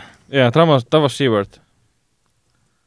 ma tean teda näitlejat ta on küll. tuntud vana uh,, Liam Cunningham või Liam Cunningham. jah, jah, tema on seal ka uh,. vot selge, selle, selle koha pealt um, Oaxaca linnust sa rääkisid, mul tekkis isegi huvi selle vastu, et ma vaatan ta kindlasti, kindlasti ära, sest uh, mulle meenub küll, mingit filmi ma olen kinos vaadanud, mida hiljem mõtlen, et see ei olnud nagu väga hea, aga filmi vaadates sul pole kordagi tunnet, et see oleks kuidagi, mõjuks sulle halvasti või igavalt. mis minul meelde tuli selle hirmsa nutulaulu kirjeldamise peale, oli wow. selline asi nagu mm, Fault in our stars ehk siis viga on täht või süü on täht. no vot see oli ikka korralik, see peaks ka olema raamatu põhjal ja minu arust see kuskil oli olemas täitsa, äkki oli isegi Netflixis, et mul Mm, jäi see kuskile silma, aga no vot, see oli draama, draama nagu seal mingi see oli ikka räme nutukas. ja ma käisin pressika seda vaatamas ja kõik olid mingi ära mine sinna. aa, seal oli ju see Shailene Woodley oli ühes ja, ja teine oligi Angel Legart äkki või? ei olnud minu meelest. Äh, kes see oli, keegi beebi oli seal igastahes. Babyface oligi tema. no vot, no vot, vot, vot, vot näed, ma ikka mõnda nime mäletan ka. meie Ansel. aga ta oli seal a la, ma ei tea, viis aastat noorem aga ta näeb niigi alakas välja. jah, aga see oli väga-väga-väga-väga hea No. film, Ansel ise on ju Ja- kahekümne viie aastane ainult. no vot. ja, ja see oli hästi nutukas, ta oli tõsine, tõsine draama ja seal ei olnud nagu üldse midagi puudu ega midagi üle, et see oli väga jõhker. mul hakkas hirmus, kui hirmus see oli. sellega on jah see, kui tahate, tahate, et film paneks teid nutma, siis on see film, mida vaadata jah. mm.. aga meie viimane film, millest me täna äh, räägime selles osas, et äh, kuna see alustas hiljuti kinodes, siis selleks on vene film Piitsavars, mis jookseb praegu ainult siis kinos äh, Sõpruse kinos Artis. Seda on jälle näinud ainult Henrik äh,, ma sellest filmist tean täpselt nii palju, et see peaks olema siis äh, mitte päris debüütfilm, aga ta on selline- teine film. teine film täpselt ja räägib siis ähm, Stalingradi äh, inimestest pärast Leningradi. äh, vabandust, Leningradi äh,. see on sama asi ju, tõenäoliselt mitte. ei ole, Stalingrad ja Leningrad ei ole sama asi. see on nimesid ei vahetatud või? issand, minu ajaloo teadmine. tänapäeval Okei., tänapäeval on Stalingradil hoopis teine nimi. ja siin oli vahepeal Leningrad on tänapäeval Peterburi. jah, siin olid need ajastud ja muud terrorid vahepeal. ja igatahes see räägib äh, pärast sõda siis äh, inimeste eludest äh, kohe pärast sõda, et kui Jaa. nende lähedased tulevad tagasi. vahetult, vahetult pärast sõja lõppu põhimõtteliselt mm. -hmm. niimoodi, et äh, põhimõtteliselt nagu sõdurid on ikka veel tänavatel ja põhimõtteliselt juba see nälja ja, ja nälja ja viletsuse ja hirmu ja terrori aeg on just põhimõtteliselt läbi saanud kas see on ajastufilm äh,. täielikult ah,? jah. Okay. ehk siis ta on, ajaloolises mõttes on ta väga kihvt vaatamine. aga lugu iseenesest on äh, küllaltki, Stalingradi rahva elust äh, teha film äh, pärast seda piiramist on ka. kusjuures ma ise mõtlesin sama asja, et läksime kinno sõprusesse seda Piitsavart vaatama, kuna ma lugesin nagu nii positiivset äh, arvustust ka, ma ei mäleta, kes seda Eestis nüüd kirjutas, aga keegi kirjutas väga hästi, et kuna see režissöör äh, Kantemir äh, Balagov ja filmi operaator, nad, kuna nad on äh, niivõrd noored, siis neil puudub nagu selline isiklik äh, taak äh,, mis puudutab äh, Venemaa ajalugu mm.. Ehk siis kui vanakooli Peerud teevad taolisest teemast filmi, siis on kindel, kindel teada, et seal on mingid jooned sees, mida sa alati ära tunned. aga siis me, siis siis see meie üks kriitikutest kirjutaski, et, tead, kohe oli tunda. nooruslikku väge oli kohe tunda, et nagu Mm. kuidagi vabadust ja õhku on rohkem nii-öelda. et reaalselt see Kantemir Palago, kui ma vaatasin õieti, see tüüp on sündinud üheksakümne esimesel aastal. Vau. ta on meist ka noorem. mis toimub tegelikult nagu? Ja teine film, noh. teine film ja, ja Cannes'is ta pani kinni selle Un certain regard'i ja võitis seal režissööri auhinna. see oli, see Jaa., see oli väga-väga hea programm ju. meil, meil oli, meil oli Cannes'is täitsa plaanis seda vaatama minna, seda pinballi. mina vähemalt leidsin ta üles selle sealt äh, programmist ja tahtsin seda vaatama, aga ühel või teisel viisil me vist otsustasime kuskil, ma ei tea, Lighthouse'i jõua, jah. ootama minna või mingid muud plaanid tekkisid vahel no nagu näed ikka., ja nüüd nägid ära, oled rahul?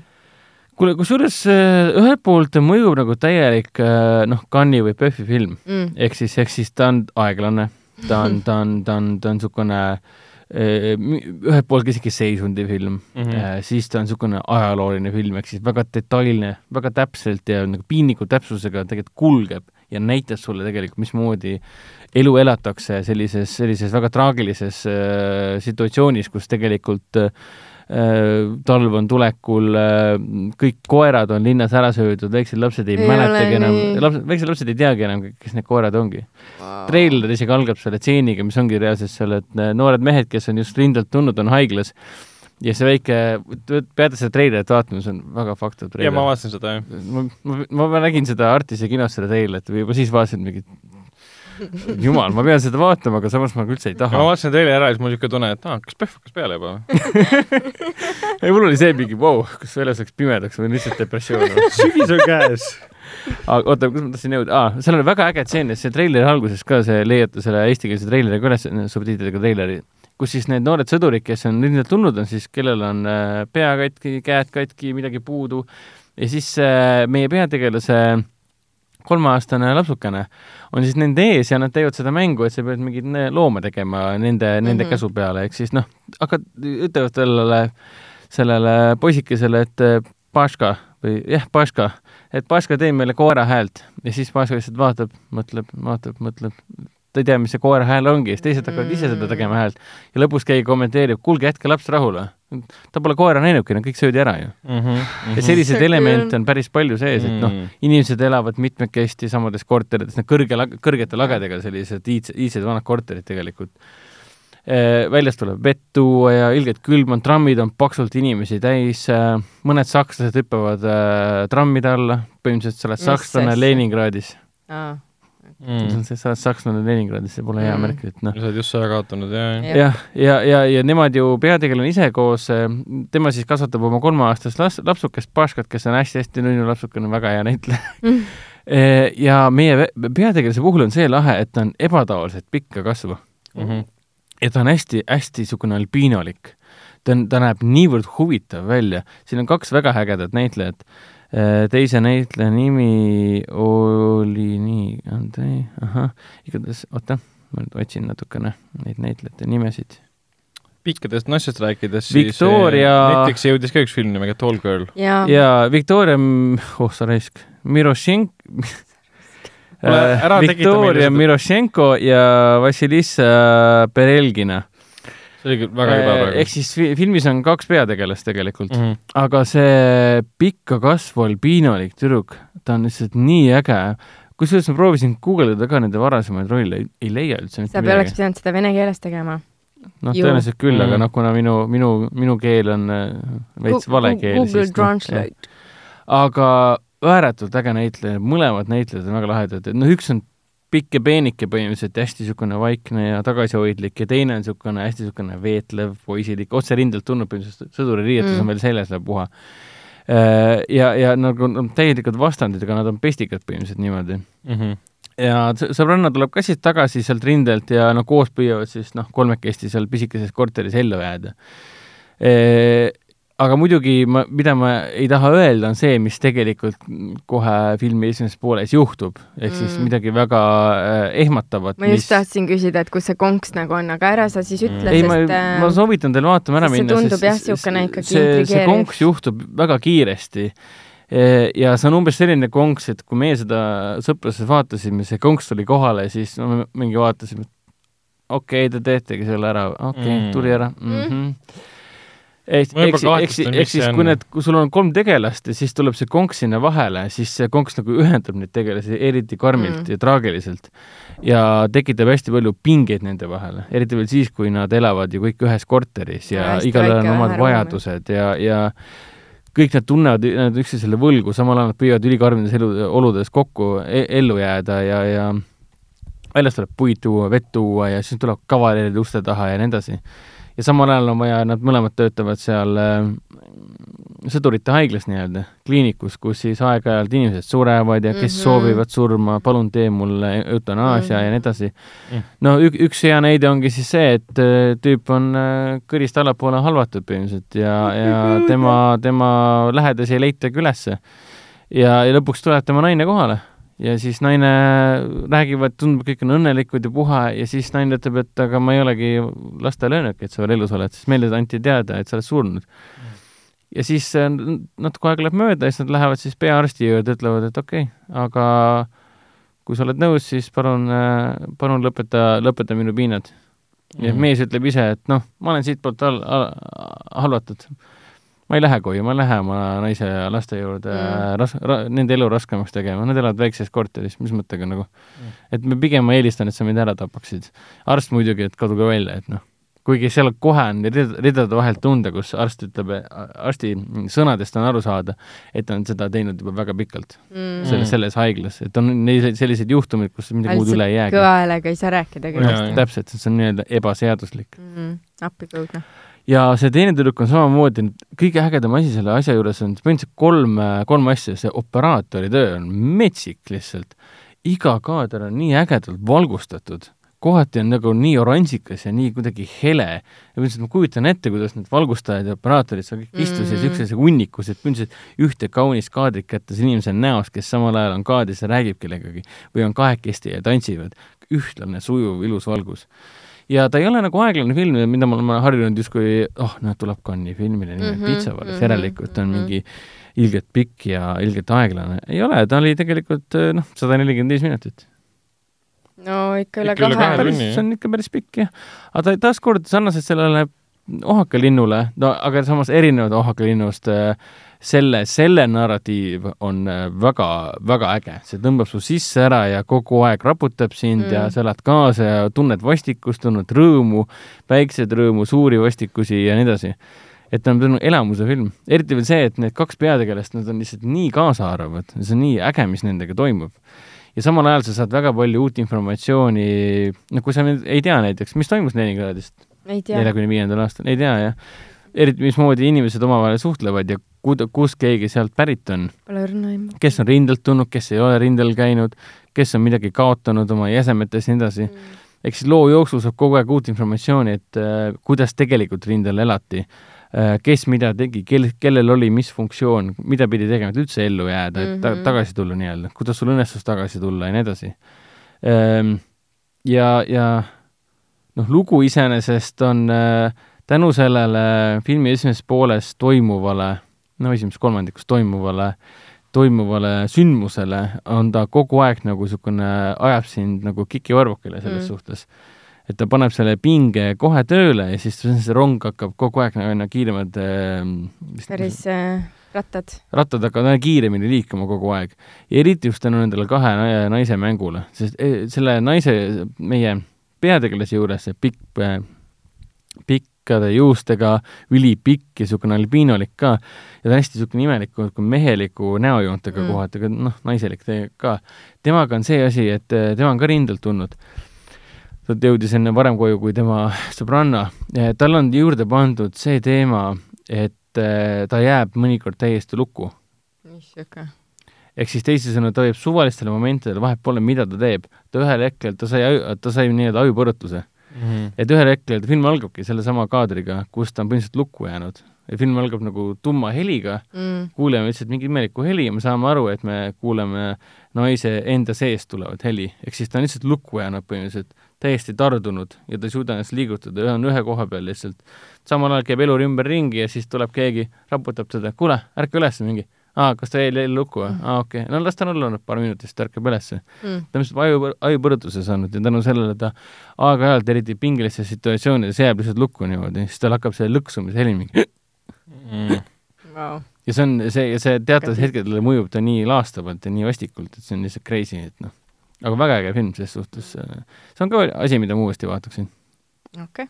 Nii et äh, võtame ette. PÖFF on varsti tulekul, nii et see on väga hea algus, väga tugev film jah, PÖFF on juba, mis ta on, viisteist november ja 15. esimese detsembrini kestab, siin praegu otsitakse juba siis neid äh, vabatahtlikke. eh, nii vabatahtlikke siis nagu üldise PÖFFi jaoks kui ka siis just filmi siis äh, laste nagu žüriid, mis koosnevad lapsest, lastest. Et jah, PÖFF on varsti käes ja talv on varsti käes ja õues on külm ja ai. lumi on maas ja jõulud on. Jou, sügiski pole ametlikult alanud veel. meil on sügis algab suvi. ametlikult kahekümne kolmandal. jah, meil on täna mõned, on suvi. mõned päevad on jäänud. oota, ma näitan ka korra teile siin äh, mis sa meile näitad? äh, ma räägin räägin kuulajatele ka, vaat, tema on siis peategelane. siin ta nagu nii pikk ei näe välja. Aga selles arvan, mõttes, et äh, ega kuulajad ei näe pilti, et tasub, tasub praegu guugeldada, kui te kuulate meid, siis te guugeldage Beanbowl, Beanbowl film ja siis ta näitab teile hul- hulga pilte nendest kahest ägedast okay. näitlejannast. see kõlab paremini. jah, see läheb. ja kindlasti samal ajal, kui me nüüd äh, seda kohta rääkisime, Ah, siis üks, üks äh,, üks äge, et see kaader oli see, kuidas ta läks äh, lapsega trammi peale ja kui palju inimesi ootas trammi, lihtsalt massid Nii õudne. püüdsid trammi sisse saada. kas neil oli nagu töö või kuhu neil minna oli? Läks ikka, kõik läksid tööle, aga lihtsalt äh, infrastruktuur oli põhimõtteliselt Aa, hävitatud jaa, ja kõik oli, liikus üliaeglaselt ja kui üldse liikus. siis oligi see lahe, et see kaader, kus nad seal lõpuks said sisse, lõpuks istuma ka, istusid lapse põlve peale, see, tähendab, laps istus tema põlve peal ja siis samal ajal onud ja tädid äh, trammi tagant hüppasid trammi taha. sinna Aa. otsa, peale. siis ta vaatas ka mingi onu, tädi ja siis kõik lehvitasid sellele lapsele. Mhm. et noh, see on, ta on ühelt poolt nagu väga ilus, aga teiselt poolt jällegi selline, et issand, süda tahab lõhkeda küll Mm. oi. aga Ragnar enne korra mainis seda Netflixi sarja Doll Girl yeah.. mul viskas ka ette seda treilerina ja tundus niisugune väga-väga ehtne noortekas.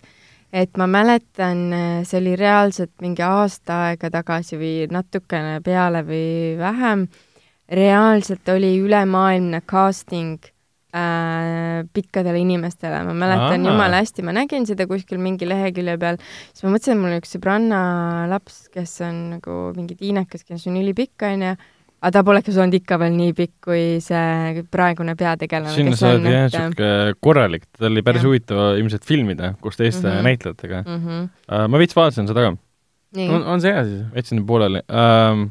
Kas ta on niisugune mellow nagu liiga või? noortekas või? ta on, põhimõtteliselt on ta pikast neiust, kelle jaoks on pikkus alati olnud äh, probleem, eriti mm. -hmm. koolis äh,. aga ta, see film võtab seda asja kuidagi hästi nagu lahjalt või umbes klišeeliselt selle koha pealt, et keegi läheb alati temast mööda küsib, et how's the weather up there ja tal on üks väike sõber, kes kaitseb teda ja siis tal on äh, õde, kes on temast küll noorem, aga ta on siis nagu perese iluleidi mm Mhm. -hmm. põhimõtteliselt, noh, ta ongi kena neiu selle koha pealt ja pikk tüdruk tunneb, et tema ei ole nagu väärt seda mm -hmm. ja Mhm. keegi vaatab tema poole umbes niimoodi ja lõpuks ta äh, elus esimest korda äh, saavutab selle, et ta leiab endale nagu poisi ja tunneb Mhm. romanssi umbes seda aga kohe, kui film jõudis sinna hetke, kus äh, hakkas tutvustama tema enda elu, siis ma panin kinni, ma panin kinni, et sellepärast, et ei ma samastunud. ei, ei, ma vaatasin seda hommikusöögi äh, kõrvale mobiilist ja see on niikuinii õige koht ega hetk, kus seda vaadata, aga ta tundus okei okay,, nii et ma vaatan okay. ta kindlasti ta tundub nagu pigem jah, niisugune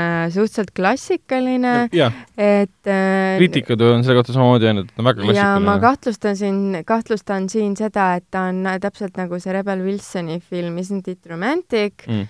äh,, kus lõpus siis peategelane avastab, et oh my god, I loved him all along, he is here, onju. et, et, et, et see, ma ei tea, et see on mingi see pimedus, et Ah, mis selle nimi oli üldse? Isn't it romantic ah, et, et see on mul ka pooleli, äh, nagu ma ei this is. it nagu, ega seal Jah, ei olegi jah. rohkem midagi. kui see põnts käis ära, siis ma mingi, aa, see on see film.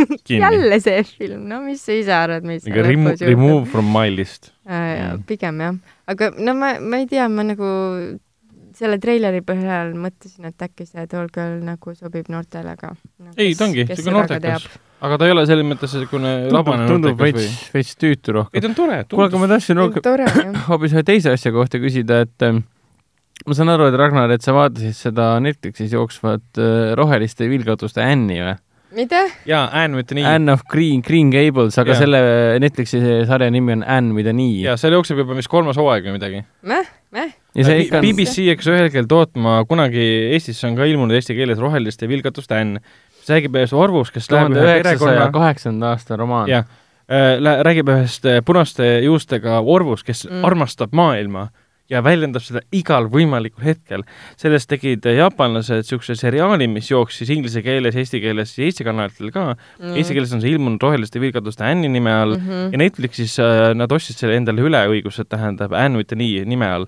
ja ma vaatasin esimest hooaega, terve ilgelt nunnu. aga point on selles, et, point on selles, et üks äh, mis ta on, vend ja õde põhimõtteliselt elavad kahekesti Jah. koos, nad hakkavad vanaks jääma ja otsustavad, et neil on vaja lapsi, abi, lapsendame koos äh, poisi ühe pisikese poisi ja kui ta läheb poisile järgi sinna posti, Railway Station, sinna raud-, raudteejaama mm, Mhm. -hmm. siis vastu vaatab hoopis pikkade patsidega puna, punapäine ülijutukas äh, Jah. väike Ahah. tüdruk, kes Okei. räigelt elu armastab Jah.. aga kuna ma seda raama-, romaani algupärast lugu ma pole ise kunagi lugenud, see on väga klassikaline asi, siis minu jaoks tuli väga suure üllatusena, et see tüdruk võib olla hästi-hästi lõbus ja mm. -hmm. rõõmus ja läheb välja, vaatab, et ah, tuul puhub, rohelised lehed langed, issand, kui ilus teil on, siis see vend ja õde mingi, jah, Joo. see on mu kodu, mis siin vaadata on. aga aga see, minu point oli selles, et aegamisi tuuakse hooaja jooksul välja, et kuidas ta jäi oma vanematest ilma mm., kuidas ta oli hästi paljudes äh, asenduskodudes olnud, kuidas teda koheldi nagu mm. nagu sita tükki põhimõtteliselt mm. -hmm. talla all ja kuidas temast on saanud nagu täiesti nagu kärbunud inimhing mm, -hmm. aga ta Mhm. suutis sellest üle olla sellega, et ta naudib maailma sellisena, nagu ta on Mm. tema ja me, ümber. ja me väiksena vaatasime seda animatsiooni ju seda selles animaseriaali. animatsioonis seda kurbust ega traagikat ei olnud. ma mäletan, see oli kogu aeg mingi ülioptimistlik ja me alati vaatasime suu lahti, mingi kuule, rahu, ära nüüd nii, tehke chill pill. ära optimiseeri nii palju aga see on mingi ajastu teema, et äh, et Jah, kus, kus see, on kus see toimus, mis toimus, kus äh,. toimus? Inglismaal, aa, kas see on Briti aktsendid ja Jah, värk kõik, okei, siis see võib tõesti olla väga.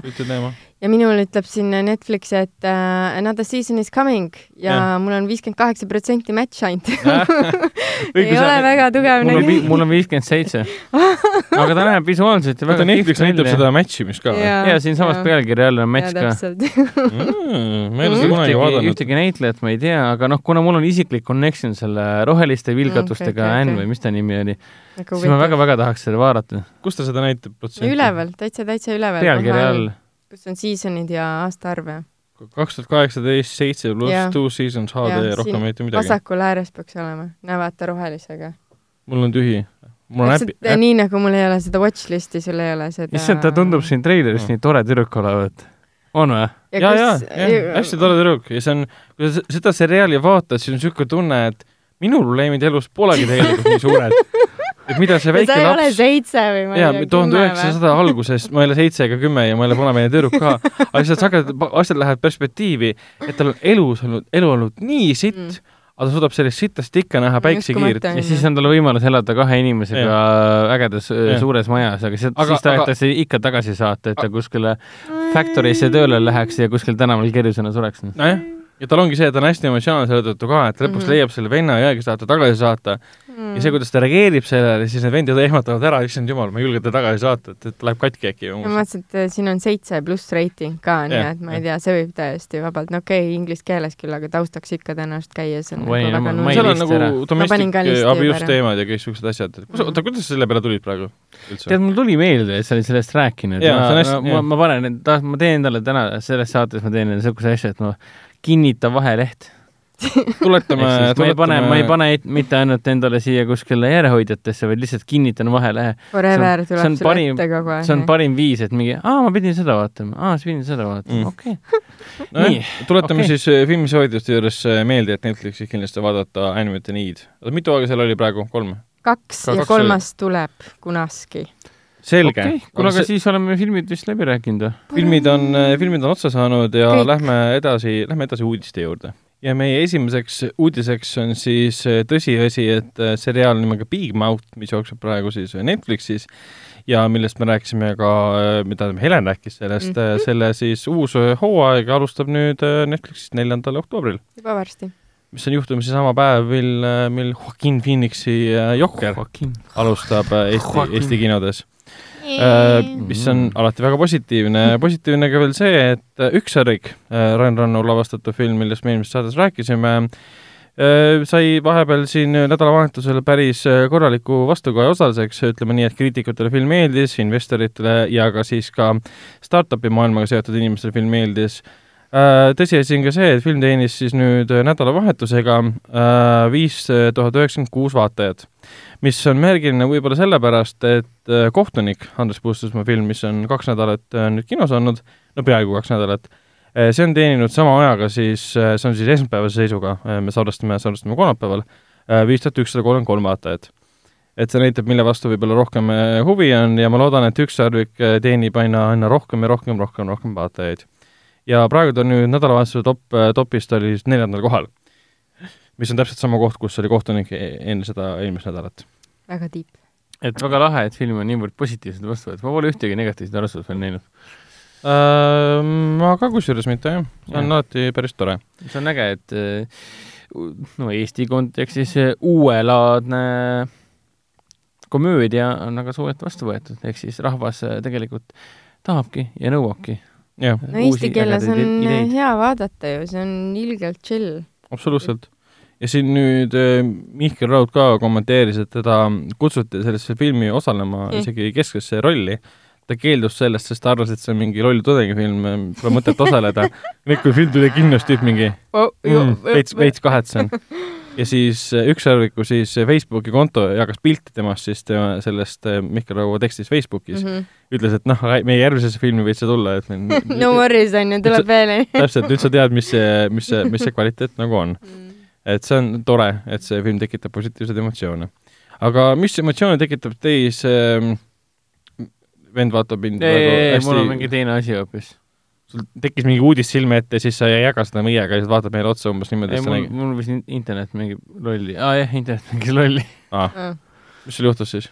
Ei midagi, pole tähtis no selge, selge äh,. räägime, räägime treileritest, nendest asjadest, mida me näeme väga palju nii Youtube'is, Instagramis, Facebookis, kus iganes, Twitteris ka ja enamjaolt ka muidugi kinodes. et kui Eesti kinodes, miks ma sellest uudisest räägin, on sellepärast, et äh, USA-s äh, viis läbi siis äh, Hollywood Reporter ja Morning Consult uuringu, kus tuli välja sealt olevate andmete seast, et USA suurimad äh, kinoketid on see siis AMC teatrites, Regal Cinemas, Cinemark teatrites, need näitavad enne filmide linnastumist tavaliselt viis kuni kaheksa treilerit, mis on väga suur arv tegelikult võrreldes Eestiga, et Jaa. siin, siin ähm, Apollo kinodes ja Foorum Cinemas kinodes enamjaolt on kolm kuni neli treilerit mm, -hmm. kõik Mhm. sõltub treileri pikkusest kui see on diiser, siis on tavaliselt üks minut või alla selle isegi.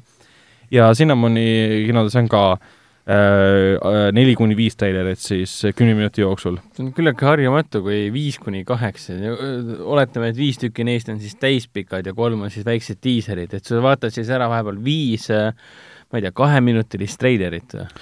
Põhimõtteliselt see jah on, ikka hull, hull aeg. kas kas nii? teine asi on jälle see, et kas meil tõesti on nii palju filme kinos või tulemas või? see tegelikult on. ikka oleks jah. ja USA-s on siis see, et Eestis. äh, nad ei tee seda erandit isegi siis, kui nad lähevad vaatama mingit kolmetunnist äh, tasuvat lõppmängu mm.. ja see tähendab seda, et sul filmi elamus läheb ikkagi kolm kahekümne pikkuseks. et sa Mm. lähed kakskümmend minutit enne, kui uksed avatakse, algab treileri plokk, kus on siis kõik nagu kinoetiketi reklaamid, kolmanda osapoole sisseostetud reklaamid mm.. Ja siis kell kuus hakkab, kell kuus hakkab film, sa hakkad filmi alles vaatama mingi kuus viisteist, kuus kakskümmend. mis. on päris jõhker ja meil, on lihtne, et meil kinodes ju kolm treilerit, võib-olla tuleb Jah. neljas ka, aga see neljas Jaa, on jaa. reaalselt viiskümmend sekundit, nagu meil praegu see Harley Quinni äh, uus film, ehk siis selle aa ah, jaa, ma nägin, see oli mingi sekund enam-vähem. jah, et. Suicide Suicide Squadi spin-off film, Mm. Harley Quinni film äh, Birds of Birds Prey. Prey. ja järgmise aasta mingi, veebruaris jah oli, täpselt. uus poster tuli nüüd välja ka ja, ja, ja eesti keeles oli filmi pealkirjas pandud äh, Röövlinnud, sulgudes Harley Quinni erakordne vabanemine vist. Mm. see põhimõtteliselt on Okei. ja vastab sellele sellest pealkirjale. räägin, seda näiteks, näitame praegu ITE-s ju. ja, ja ITE-s ta mõjub hästi, hästi lühidalt, nagu osa on, treilist on. alla minuti kestab, kõik on jumala hästi. nojah, ja, ja see küsitluse tulemus oli muidugi see, et enamused osalejatest eelistavad näha ikkagi ühte kuni kolme treilerit, et keegi ei taha nii palju treilerit äh, järjest näha.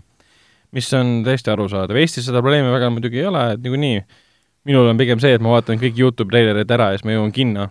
Neil on mm. -hmm. väga vanad treilerid, see on meie esimene treiler, siin vahepeal on mingi neljas ja final treiler ja TV-spot ja TV-spot üks, kaks, kolm, neli, viis, kuus ja kümme vähe välja tulnud no aga sellega ongi see, et vaata, kinodele ju toodetakse kinotreilereid mm..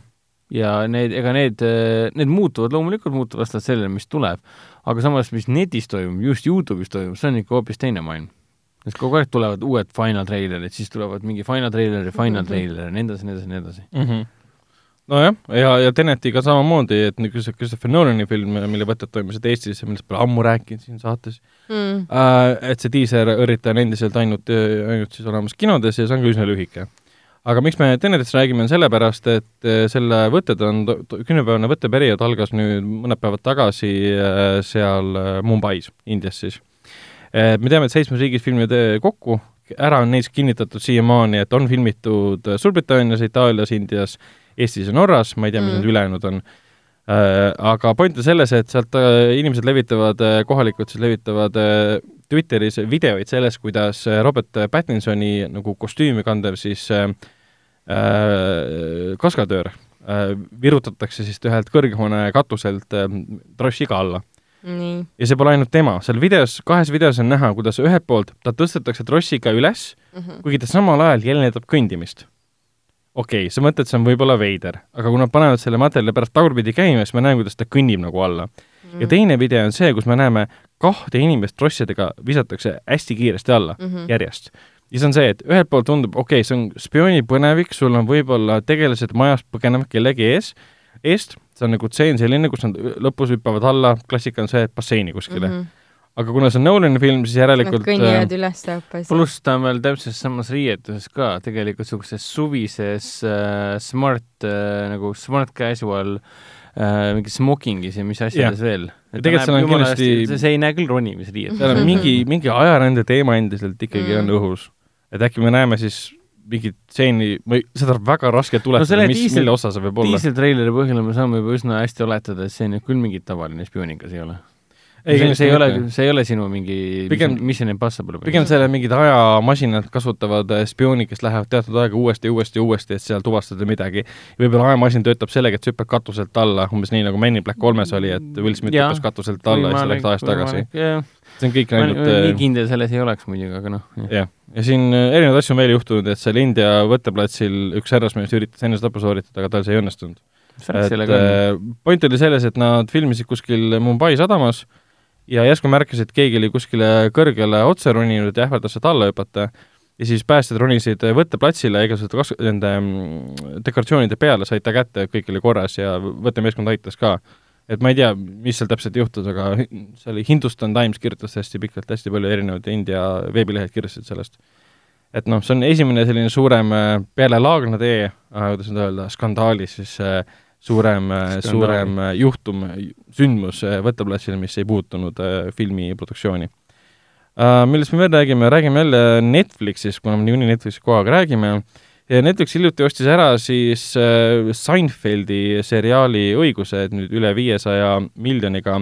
see summa on kinnitamata muidugi, aga öeldi, et see summa on suurem kui see, mida maksis omal ajal vist oli äh, Hulu, Hulu, mis ta maksis oma siis äh, Seinfeldi näitamise eest ja mida NBC maksis Office'i näitamise eest, Office'i eest maksti mingi nelisada kakskümmend viis, öeldi, et see on Mm. sellest suurem. et äh, Seinfeldi me oleme kõik äh, mingil äh, ühel või teisel kujul näinud, eestlased saavad seda endiselt vaadata praegu Amazon äh, Prime video vahendusel, aga kuna see leping läheb siis töösse äh, kahe tuhande kahekümne esimesest aastast ja kehtib viis aastat, see tähendab seda, et siis ülejärgmisest aastast me ei saa enam Amazoni vahendusel vaadata äh, Seinfeldi, ainult siis Netflixi vahendusel. ja miks Netflix seda teeb, miks ta ostab niisuguseid klassikaliseid seriaale, mis on hästi populaarsed siiamaani ära, on sellepärast, et nad jäävad nüüd, jäid juba tegelikult, või nad jäävad ähm, Office'ist ilma ja sõpradest ilma. kuna see Warner Meedia laseb välja oma selle HBO Go, see on eksklusiivselt, hakkab näitama siis ähm, eh, sõpru ja NBC Universal lasi hiljuti välja oma uue mingi Peacocki nimelise ähm, streaming platvormi, kus hakkab jooksma siis Office, et kõik, kõik teevad omad erinevad platvormid, et enam ei ole ne- Netflix nagu kuningas selle koha pealt. mis on arusaadav, et noh, varsti see maastik meenutab pigem äh, videomängude maastikku selle koha pealt. et videomängud on praegu täpselt sama case, sest sul on kakskümmend erinevat platvormi, kus sa saad teatud mänge mängida ja see ilge peavalu, sul pole ühte kohta, vanasti oli üks koht mm. -hmm. ja nüüd on, tekib striimimisega täpselt samamoodi, vanasti oli Netflix ja siis nüüd on see, et kaardipakk läheb lahti, on viiskümmend erinevat kohta. Saad ühte filmi vaadata, maksad, teist filmi igalt vaadata, poolt maksad. maksad. aga noh, mängude suurim erinevus on see, et see maksab platvormide eest, mis on väga-väga-väga hea, muidu keegi ei mängiks mänge põhimõtteliselt uh,. Räägime, räägime vahelduseks uh,, mainime veel Netflixi kohta nii palju ära, et siin vahepeal lekkis äh, Netflixi siis äh, The Witcheri seriaali äh, linastusaeg, seda levitas siis Hollandi Twitteri konto ja Facebooki konto, mis hiljem võeti kohe-kohe maha muidugi. mm.. aga sealt tuli välja, et seitseteist detsember on see aeg, mil Witcher jõuab Netflixi, mis on väga lahe, siis Henry Cavill on siis nõidur Mhm. keeralt ja hakkab võitlema koletistega seal. nüüd on ka veel okei okay, või? kunagi te väga vihkasite seda varianti. Ta ei tundunud õige variant, aga siis, kui esimene see treiler välja tuli, sa siis vaatad, aa, tegelikult väga okei okay.. nüüd ma pigem kardan seda, mida nad sellest üldse teinud on. jah, ma arvan, et see on pigem see on nagu tähtsam. jah, no ootame ära, vaatame, mis sellest saab um,. ühtlasi me teame ka sellest, mis saab äh, Tony Starkist äh, Marveli kinouniversumis, kuna Helen vahepeal vaatas meiega koos siin nüüd äh, suures äh, Marveli filmide maratonis mm. -hmm. millest me ei ole vist siin saates rääkinudki mm.. ei usu. ei ole me, jaa. me üks nädalavahetus äh, saime sõpradega kokku, vaatasime hommikul alates järgmise päeva vist oli kaheteistkümnest neljani või viieni. vaatasime kõik tasuvate filmid ära koos Kapten Ameerika kodusõjaga. ja siis Helen nägi ka siis lõpuks ära siis Mhm. tasuvad mm -hmm. lõppmängu ja me teame kõik, mis seal Tony Starkiga juhtus. Mhm. ja nüüd äh, hiljuti tuli teade, kui toimus USA-s see Saturn Awards, kus siis äh, Robert Downey Jr sai Tony Starki osatäitmise eest ähm, Endgame'is äh, parima meesnäitleja siis auhinna ja seal siis Deadline sai teada, et aa äh,, Tony Stark astub üles siis ka Black Widow filmis, Mm. mis tuleb järgmise aasta siis, vist oli suvel uh,. ja Black, see on loogiline, see Black Widow film leiab aset enne uh, see Kapten Ameerika kodusõja ja siis uh, ta, um, igavikusõja vahel väga imelik. ja ta võitlus seal mingi teise tegelasega. kodusõja ja igavikusõja vahel, või? täpselt. ehk siis, kui uh, see um, Natasha Romanoff läks nagu Redusse koos uh,, aa, okei. Kapten Ameerikaga. see on, see on confirmed või? see on confirmed jah. okei okay,, ehk me siis näeme seda, kuidas ta endale blondi pea sai või? Jah. sest kui ta Infinity Waris välja ilmus seal koos ta oli äh, teistsugune ka. jaa, et mis värk et ta ei chillinud kogu selle aja Kapten Ameerikaga, vaid ta tegeles mingi muude asjadega ja me teame, et hakkab võitlema seal mingi Red Baroni nimelise tegelaskujuga ja Nojah, Taskmaster ja Nad ju tegid temaga asju seal Endgame'is, mis on üsna pöördumatud. Et noh, Seda küll, selles mõttes raske on teha järge Ei, Endgame'ile aga sa saad teda cameo'na lisada, et selles mõttes ma kujutan ette, et Marvel läks mingi äh, Robert Downey Jr. juurde, kuule, et selles mõttes, et sa üldse üldse ei taha enam meie paar, raha, paar, aga paar stseeni seal stuudios või? aga tule lihtsalt seisa teeme tule- kõik muu ära nagu. paneme sulle viiskümmend miljonit, siis mingi, no fine. samas, samas nad teevad kõik, Endgame'is oli mingi üheksakümmend protsenti filmist oli niikuinii CGI, et siis kuule Robert, tule loe sisse paar rida, me ülejäänud töö teeme ise ära, et et selles mõttes ka siin vahepeal need Endgame'i need feature'id tulid välja, et kuidas efekte tehti. Täiesti hämmastav, inimeste soengud, kostüümid mm., kiivrid, mütsid, kõik digitaalselt tehtud. midagi ei ole päris enam ja lihtsalt,, ja põhjus oli väga lihtne, neil polnud aega, et need päriselt teha ja üles pildistada väga ma saan ja teha. tegid digitaalselt ja filmis tegelikult sellest väga aru ei saanud no,. kui need kaks. Captain Americat ühel hetkel võitlevad, seal ongi niimoodi, et ühele on lihtsalt digitaalselt mask lisatud ja digitaalsed soengud juurde pandud, mis on täiesti absurdne. Ja filmis tegelikult tagantjärgi võib-olla jah, tõesti tundus midagi veider, aga vaadates et ei saanud küll, küll sellel absoluutselt aega nad lõikavad nii kiiresti lihtsalt ju, et noh, noh, täpselt liiksab kõik ära. äh,. räägime, räägime Rambost ja räägime Sylvester Stallone'ist, et kuna nüüd Rambo tuleb kohe kinodesse sel nädalal juba, Rambo siis äh, Stallone käib siin muidugi erinevatel pressituuridel ja ühe pressituuri käigus ta mainis, et äh, jaa, et Rambo pole tema ainukene seeria, mida ta toob minevikust tagasi siiamaani. Et tal on plaanis teha ka siis, mis see oli kaheksakümne üheksanda aasta filmist Cobra, kaheksakümmend kuus. kaheksakümne kuuenda aasta filmist Cobra teha siis kas järg või teleseriaal ah ja sari, kindlasti oleks puudu. noh. ja seda koos äh, Robert Rodriguez'iga, Rodriguez, Rodriguez. Rodriguez'iga, kes, kellel oma network nagu channel või selline stuudio on olemas täiesti mm. -hmm. kus kunagi jooksis From Dust Till Dawni seriaal ka. Ja ta on temaga koos plaanis teha, et selle, see maailm uuesti ellu äratada. mis on väga kummaline film, mida teha, sest noh, enam-vähem me kõik teame, et Cobra sündis põhimõtteliselt Beverly Hillsi võmmist.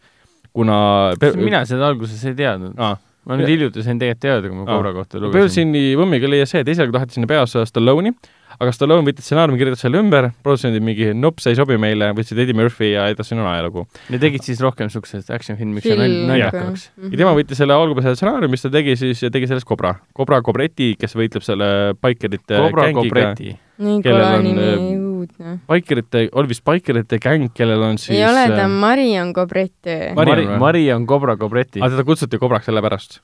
Ja seal on mingi bikerite gäng, kes äh, võitlevad ja ehivad ennast siis mingite suurte kirvestega põhimõtteliselt, aga Cobra kogu mõte oli see, et ta on hästi badass tüüp mm, -hmm. kes teeb Jah. one-linerit, tal on Mhm. see hambaork kogu aeg suus mm -hmm. ja Mhm. suured päikseprillid. suur relv.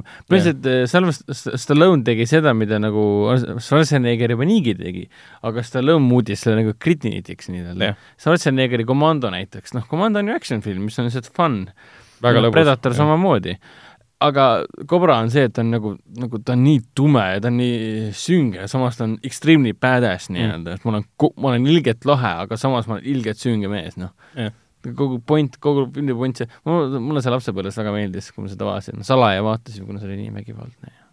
no tundub, et ja vaata, mis teist nüüd saanud on. täpselt,, mitte mitte midagi pole saanud. aga tundub, et Stallone on vähemalt sinuga samal meelel, et see on väga sünge, mistõttu ta tahab reboot ida või noh, uuesti järje teha siis äh, filmile, mis on väga lõbus ja naljakas, Tango and Cash, kus ta koos Kurt Russelliga, kaks politseinikku. ja ta nüüd ütles, ta on juba Kurt Russelliga mingil kujul rääkinud ja juba no produtsentidega mõlemad rääkinud, on elus, mõlemad on olemas, Jah. mõlemad on ilus. et kui, kui, õnnestub, siis me näeme varsti siis äh, mingi seitsmekümneaastaseid mehi mängimas järjes, kus siis üks paneb jälle träägi selga, nii nagu oli samas algupärases. nagu Schwarzeneggerist on sündinud ju alles jäänud ainult Terminaator ju. Jah, mingit, me ei näe siit mingit Eraseri filmi ja ma ei tea, mida veel, et noh. jah, ja Selles- mingi sel- Predatori filmides seda ei ole enam muidugi. nojah, aga vaata seda Stallone'il läheb see asi hoopis paremini, et tal on need Creed'i filmid, mis on Rocky's sündinud, kus ta ise Jah, mängib ka. jah. Expendables oli vahepeal. Rambo viis tuleb välja, Expendables, noh, see Expendables oli pigem see, et noh, sa oled vanakooli jah. action staar, me võtame su filmi sisse. nüüd ta tahab Cobrast teha, samamoodi ta võib noh, Tango ja Kass. Minu poolest võtku siin Wesley Snipes appi ja tehke Demol- Demolition Man'i ah, nagu järg, noh. ja no ma üldse ei imesta, kui Charles Dredd, Karl Urbani, Urbani versioon saab lõpuks äh, järjekaudu terve, mida kõik tahavad, siis ta, tuleb vana- Stallone mingi vana, vana Dreddina tuleb sinna mingi mm, Mhm, -hmm, yo, I m mhm. a judge. Selles mõttes jaa, et selles mõttes nii palju, kui tal äh, jaksu on, siis minu arust äh, tehku, ega need filmid Stallone võiks üldse tule. ära lõpetada, vaata ta teeb mingi Oscaritele kandideerivates filmides ju rolle põhimõtteliselt, noh Creed kaks, noh Creed üks, siis ta on ju, tegi minirolli ka of the Galaxy kahes mm.. ja siis samal ajal ta toodab mingit äh, Escape Plan kahte ja kolme. nagu miks sa teed seda? Ük-, üks oli halvemini toodetud kui teine, madalama eelarvega kui teine. ma vaatasin klippe kolmandast osast Extractorit, ta näeb välja nii odav. ja see oli ka otse VOD film ka, et ma saan aru, et nad võtsid tema kuradi telefonikaamera ja filmisid seda, no kohutav mitte päris, aga see on jah. ja esimene- Dave, ja esimene- Dave Bautista on ka miskipärast seal Hmm. mm.. ja Fifty Cent ka. ma saan aru, et need on see on loogiline, Fifty Cent osalebki sellistes filmides. sa tead, et sinu karjäär on põhja läinud, kui sa osaled filmides, kus teeb kaasa Fifty Cent. ilmselgelt. ehk siis äh, vaata Nicolas Cage'i, John Cusacki ja Bruce Willise karjääri praegu. Nad osalevad filmides, kus on Fifty Cent. huvitav, et Dolph Lundgren, Lundgren ei ole praegu niimoodi pildis, et tuleb kuskile, tõu, teeme mingist äh, Universal Shoulderist järje või mis tal veel, Joshua Tree'st teeme järje või mingi, mis tal veel Lundgreni kõige kuulsamad filmid. aa, see, mis see oli, see surmaingel äh, I come in peace, vot sellest võiks järje teha. jaa, Angel. Angel of Death või mis tal oli see- kaks nime vist. vist oli jah, üks oli vist surmaingel ja teine oli I come in Jaa, peace või midagi laadset. üheksakümmend oli see tehtud, see oli väga kihvt film see oli mis uh,. Dark Angel oli ta teine nimi. Intergalactic uh, Truck uh, Deal Gone Wrong, mis oli päris tuus uh,. Politseinik satub peale tulnukale, kes tuleb teiselt planeedilt, ajab taga mingit narkootikumi põhimõtteliselt ja tapab inimese niimoodi, et ta imeb neid välja mingisuguse asja, see on mingi- narkots. jah, mida ta kasutab narkotsina põhimõtteliselt.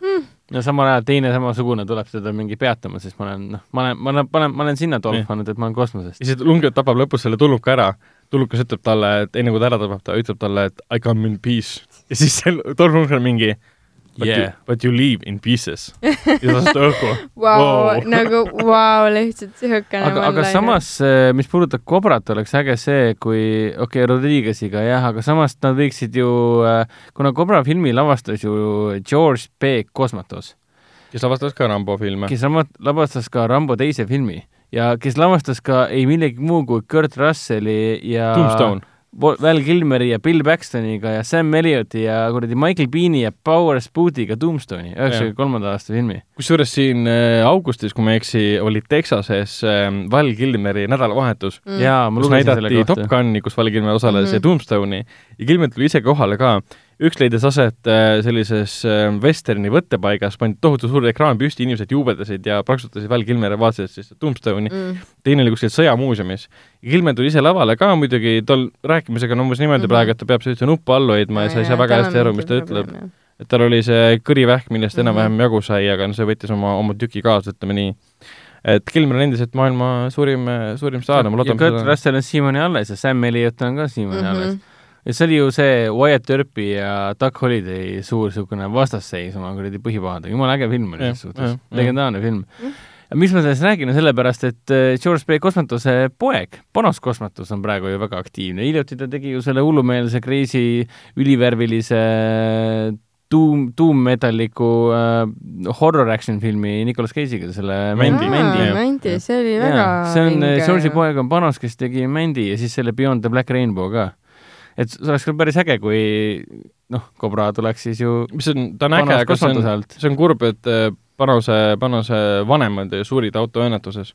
ehk Ah siis nii. mi, miks suri, miks suri mees, kes avastas Rambo ja Cobra, suri koos naisega autoõnnetuses ja tuttavad, kes on seda Panosega töödega rohkem kursis, tema isiklikult temaga rohkem tunnevad, on rääkinud, et äh, ta siiamaani elab need teemonid välja sellest, et kui ta oli väike poiss ja, ja vanemad surid. Panose isa suri autoõnnetuses või? No nii ma olen kuulnud jah, ma ise ei ole ma seda praegu vaatan Vikipeedias, et ta suri kopsuvähki mm.. aa, võib-olla oli hoopis see, et nad surid, aastal. nad surid tema jaoks siis noores eas võib-olla mis see? ei, jaa, aga ta suri kuuekümne nelja aastasena. mm.. see kuskil on midagi väga kuskil- aastal valesti. aastal kaks tuhat viis ja poeg ise poeg ise on neljakümne viie aastane. Mm. see juba on äh, täismees. ma arvan, et sul on võib-olla ta siis ema suri ja ta elas seda välja, võib-olla asi pigem selles. seda ma nüüd ei tea niimoodi, aga, aga äkki asi ei puudutanud vanemaid, tal on Vikipeedias kirjas ainult tema isa mm,. tüüpiline mm.. mm.. et kui kuulus isa, ema pole kuulus. aa ei, ta ema on ka. Birgitta Ljungberg Kosmatos. mm.. nii, elus. ei, ta on vist ka surnud, tal ei ole Vikipeedia linki. no tavaliselt äh, Vikis on ikkagi eluaastad. noh, kui ta ei ole jah, filmidega, peab eraldi guugeldama siis. ta isegi töötas oma isa filmi Tombstone'i peal. no vot. Igatahes mingi surmaga asi tema puhul seostus, miks, miks ta meeldib- teeb nii veidraid filme Sul,. sulle meeldib surm, ma saan sellest täitsa aru. ei, seda ma tean, et Panuse puhul jaa, mingi surm tema elus mõjutas teda, miks ta teeb seda, see Beyond the Black Rainbow, mingi väga-väga imelik film oli. mulle, mulle Mendi, mulle Mendi on? tagantjärgi väga meeldima hakanud. hästi imelik film, aga hästi seda peab lahe. uuesti vaatama. Buffil Nii. seda nähes, jah, mõjus kuidagi väga, osalt tundus negatiivselt, aga pigem oli sellest, et tegelikult oli inimesed, ikkagi värviline ja jah, põnev. nii et eh, Panos, kui sa seda kuulad, siis eh, palun Cobra kaks. aitäh. oi jumal, sest äh, võib-olla isegi mingi sihuke action isegi võiks toimida, et kui see ei ole nüüd päris niisugune superkangelaste keskne mingisugune ei, seda kindlasti mitte, aga noh, samas mingi seitsmekümne uh, seda ma ka ei kujuta ette, sest alles oli mingisugune film mingitest vanadest meestest, Robert De Niro ja midagi iganes. Mina seda vaadata ei suutnud igastahes, et äh, pidi ka Mm. hullult tore action, ma ei tea, mingi ah,, seal oli minu arust, ma tean, et see on olemas igastahes Lux Expressi bussis ja ükskord aa, üritasin see seda, Going in Style äkki oli jah seesama, ei toiminud absoluutselt. üks vanade meeste film tuleb novembris ju, noh, The Irishman. aga ma mõtlesin, et sa räägid vanamehe filmist. vanamehe film tuleb see septembris. tuleb septembris. ei, ei, ma mõtlen, novembris tuleb Scorsese äh, Irishman, kus on ka kõik vanad mehed. Pacino ja Pesci ja De Niro ja kes on noorendatud siiski digitaalselt. vabandust, vabandust, õigus, õigus ei lähe arvesse jälle, noh, jama. Uh, no selge, aga lähme, edasi. nädalavahetuse top kolme juurde ja toome välja selle, et uh, mis siis domineeris? domineeris muidugi Downton Abbey, mis on täiesti Ooh., täiesti loogiline. ma siin vahepeal vaatasin Ekspressi kriitikute edetabelit ja ma vaatasin ka ta seal äh, neljast kriitikust oli siis kaks ära näinud Downton Abbey ja need ladusid sellele mõlemale ühe. Ja point ongi vist selles, kuna ole siin nii. äh, ühe Ekspressis punkti ehk siis aja raisk. häbi vääramine, häbi ilmus ka vääramine,. Ekspressis ilmus ka arvustus, kus mainitigi, et ähm, see on film on täiesti fännidele ja kui sa seda Ei. vaatad niimoodi, et sa ei saa mitte midagi aru, siis võib-olla inimesed see reageerisid pole tõsi, negatiivselt. see pole tõsi. ma käisin trennis ja treener küsis kellegi käest, et kuulge, teate, mina käisin seda Downton Abbey't vaatamas, et mis te arvate? ja inimesed ei teadnud mitte midagi sellest sarjast ja päris mitu inimest ütles, et jumala hea film oli mm.. et see on nagu mingisugune vist äh, mingi ja talle ka kriitik- meeldis ja ta Jaa, polnud varem näinud midagi. jaa Mm. kõigile, mul töö juures inimesed räägivad, et oo, chill grill, jumalast äh, okei ka, et äh, siin on mingi kriitikute mingi väga vale, vale error, et sorry, ma ei Huvitav, usu huvitav. lihtsalt, et, et see nagu ühte väärt on. ma arvan, et kostüümid ja, ja näitlejad on väärt kaks punkti, pluss siis tõenäoliselt mingi struktuur on seal, mis on väärt üks punkt, nii et ja ega see mingi, ma ei tea, neljas õde pole, et et tuleb, tead, igalt poolt tuleb seda vitsa vett purn. välja. purn. aga, aga endiselt on väga kõrgel kohal siis, antud juhul siis teisel kohal on siis It chapter kaks, chapter two, see teine peatükk, mis on arusaadav, sest ta on ikkagi õudus blockbuster. ja kolmandal kohal on Paharet, mis, sest ma ei tea mitte midagi. ma just tahtsin küsida, Paharet asi on see, on? Paharet on äh, kuninganna korgilaadne kogupere animatsioon, mis äh, nagu näha, kogus äh, ootamatult palju, ootamatult palju rahva, rahvast kinno. Mhm. sest kõigil on ju äh, Lõvikuningad ja Toy Story'd nähtud. mm.. õigus, jaa. ja järgmine suurem ja Angry Birdsid, vabandust. jah. ja vahepeal on kindlasti ka mitu animatsiooni, mis mul praegu pähe ei tule, aga järgmine suur, suur, suur animatsioon on ju Frozen two. No Lammas Shaun tuleb järgmine nädal. õigus, jaa. mis see eesti keele pealkiri oli? oota, mis ta oli äh,? Farmi ap- Apocalypse. Farmigedon, Lamma, Farmigedon. Lammas Shaun punkt film punkt Farmigedon. Nice. ma nii ootan seda filmi, see on mu lemmikfilm, see on mu lemmikfilm. ma treilerit vaatasin ka, see näeb nii tore see välja. väike tullukas, ta teeb oma rumalusi seal, see on nii tore lihtsalt, ma olen muutunud nii kidiks selle peale mõeldes, elu, elu nunnuselt lihtsalt, noh jaa, jaa. Okei. Vot, aga lähme edasi filmi soovituste juurde. Ja muidugi mainime ära ka Foorum Cinemas kinoklassika, et nüüd septembri nüüd äh, viimasel kolmapäeval saab viimast korda vaadata Chinatowni ja nüüd äh, oktoobris alustab teisest, teisest oktoobrist siis juba Rocky Horror Picture Show, äh, kuhu esimesele seansile tasub juba praegu piletid ära osta, sest neid on hakatud päris kiiresti ära ostma sealt. ja kui liiga kaua, liiga kaua mõelda, võib tekkida see oht, et äh, jääte piletitest ilma. aga aga, aga samas igal kolmapäeval näitame, nii et äh, ei jää piletitest tegelikult ilma. aga esikas on on? ikka tähtis, et noh. Absoluutselt on tähtis. ja filmiajakirjanik äh, Ralf Saut-, Ralf Sauter äh, juhatab äh, seansi sisse. see on Oi-oi. siis teisel oktoobril kell üheksateist viisteist. Nii, aga mida me veel soovitame, on seda, et mis filmid alustab see nädal siis kinodes. üks on neist on Ohaka lind, millest me juba rääkisime, siis alustab Brad Pitti uusim film Tähtede poole ehk Ad Astra, mis on tänu Toronto filmifestivalile saanud, oli vist Toronto veel, Telluride, ikkagi Toronto oli, räigelt palju kiitust, kõik kiidavad, see on äh, Pitti parim roll, et võib isegi Oscari saada, öeldakse üks, see film on selle aasta üks parimaid, ma väga-väga-väga ootan seda. Ja mingi niisugused teated on ka selle kohta tulnud, et ähm, et äh, Pitti näitlemine oli filmis niivõrd hea ja ühest stseenist ta nagu nuttis, mistõttu režissöör James Gray otsustas, et me, aa, suva, et me siis ei kasuta gravitatsiooni olematust ja kõike seda stseenis, sellepärast et ma ei saa seda ära rikkuda sellega, et ma äh, lähtun nii, nagu on kosmoses, sest ta läheb liiga hea välja. et vaatame, kas see vastab tõele. lisaks jõuab kinodesse ka muidugi Rambo viimane veri, millest me juba rääkisime ka, Seksikad sulid, see oli Hustlers mm. -hmm. millest vahepeal juba me oleme ka rääkinud siin eelmises saates, mille kohta räägitakse, et see on siis nagu, kuidas nüüd öelda, Jennifer Lopa, Jennifer Lopez'i Oscari film. Lopa. ja, ja kindlasti tuleb Oskar ära striptiisi eest, üldse ei kahtle. teeme Oo ära. oo oh, jah uh,. lisaks tuleb kinodesse ka Puutumatu, mis on siis Harry Weinsteini ähm, hirmutegudest äh, rääkiv äh, dokumentaalfilm, üks paljudest muidugi, mis on töös või on juba välja tulnud. ja kinodesse jõuab ka mm, ja see ongi kõik, rohkem ei olegi midagi kinodesse. see on kõik. vot uh,, räägime Netflixist. Netflix alustab nüüd uh, juba see nädal uh, reedel uh, Disenchantmenti teine hooaeg. Ongi nii või? jep. Issand, ma pean ära vaatama selle Ruttu, esimese ruttu. ja Between Two Ferns the movie. ma olen, ma olen Between jookseb ukse poole meeleheitlikult, komistab, kukub pikali, vannub ja lööb aga ei tähenda, ma lähen Netflixi vaatama. Mm. tšau. lisaks alustab uh, Between Two Ferns the movie kahekümnendal ka. juba või? jaa, ma unustasin jälle ära, mis asi see on.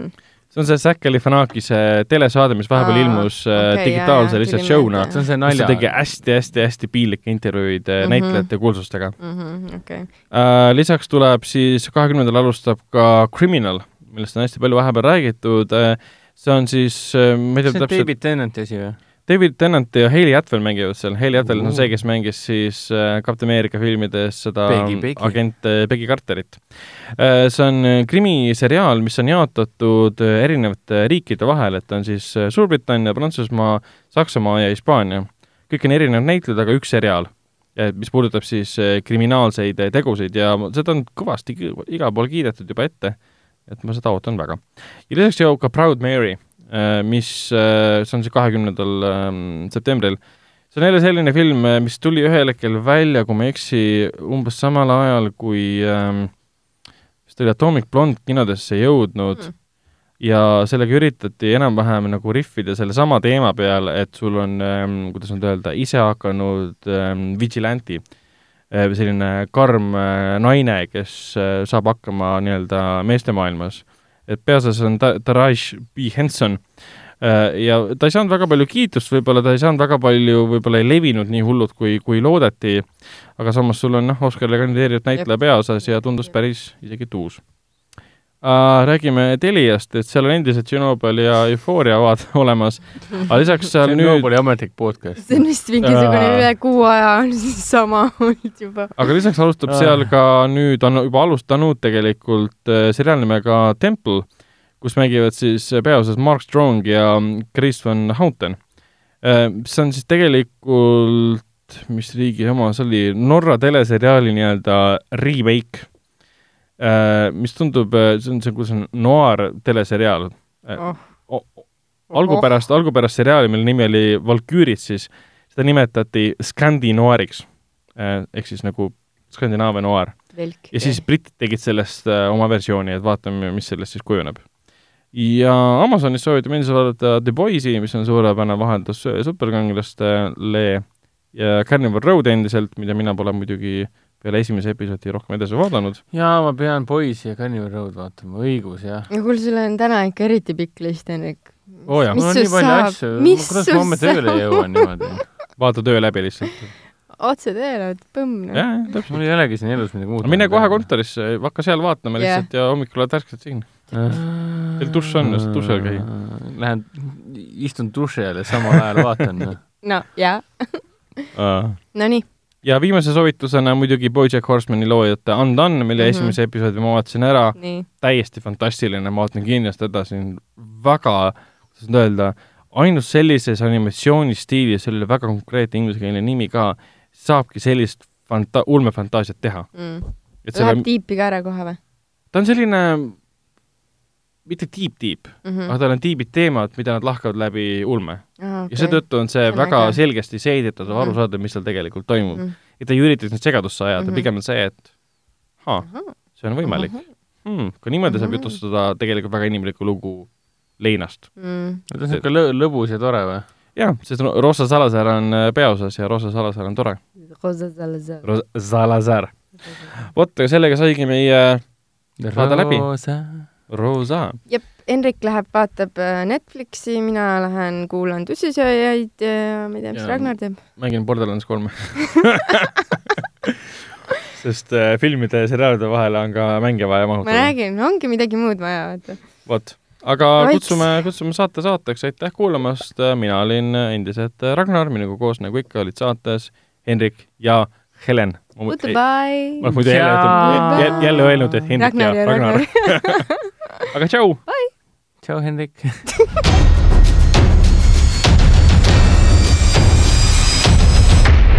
kinoveebi Jututuba podcasti toob teieni Foorum Cinemas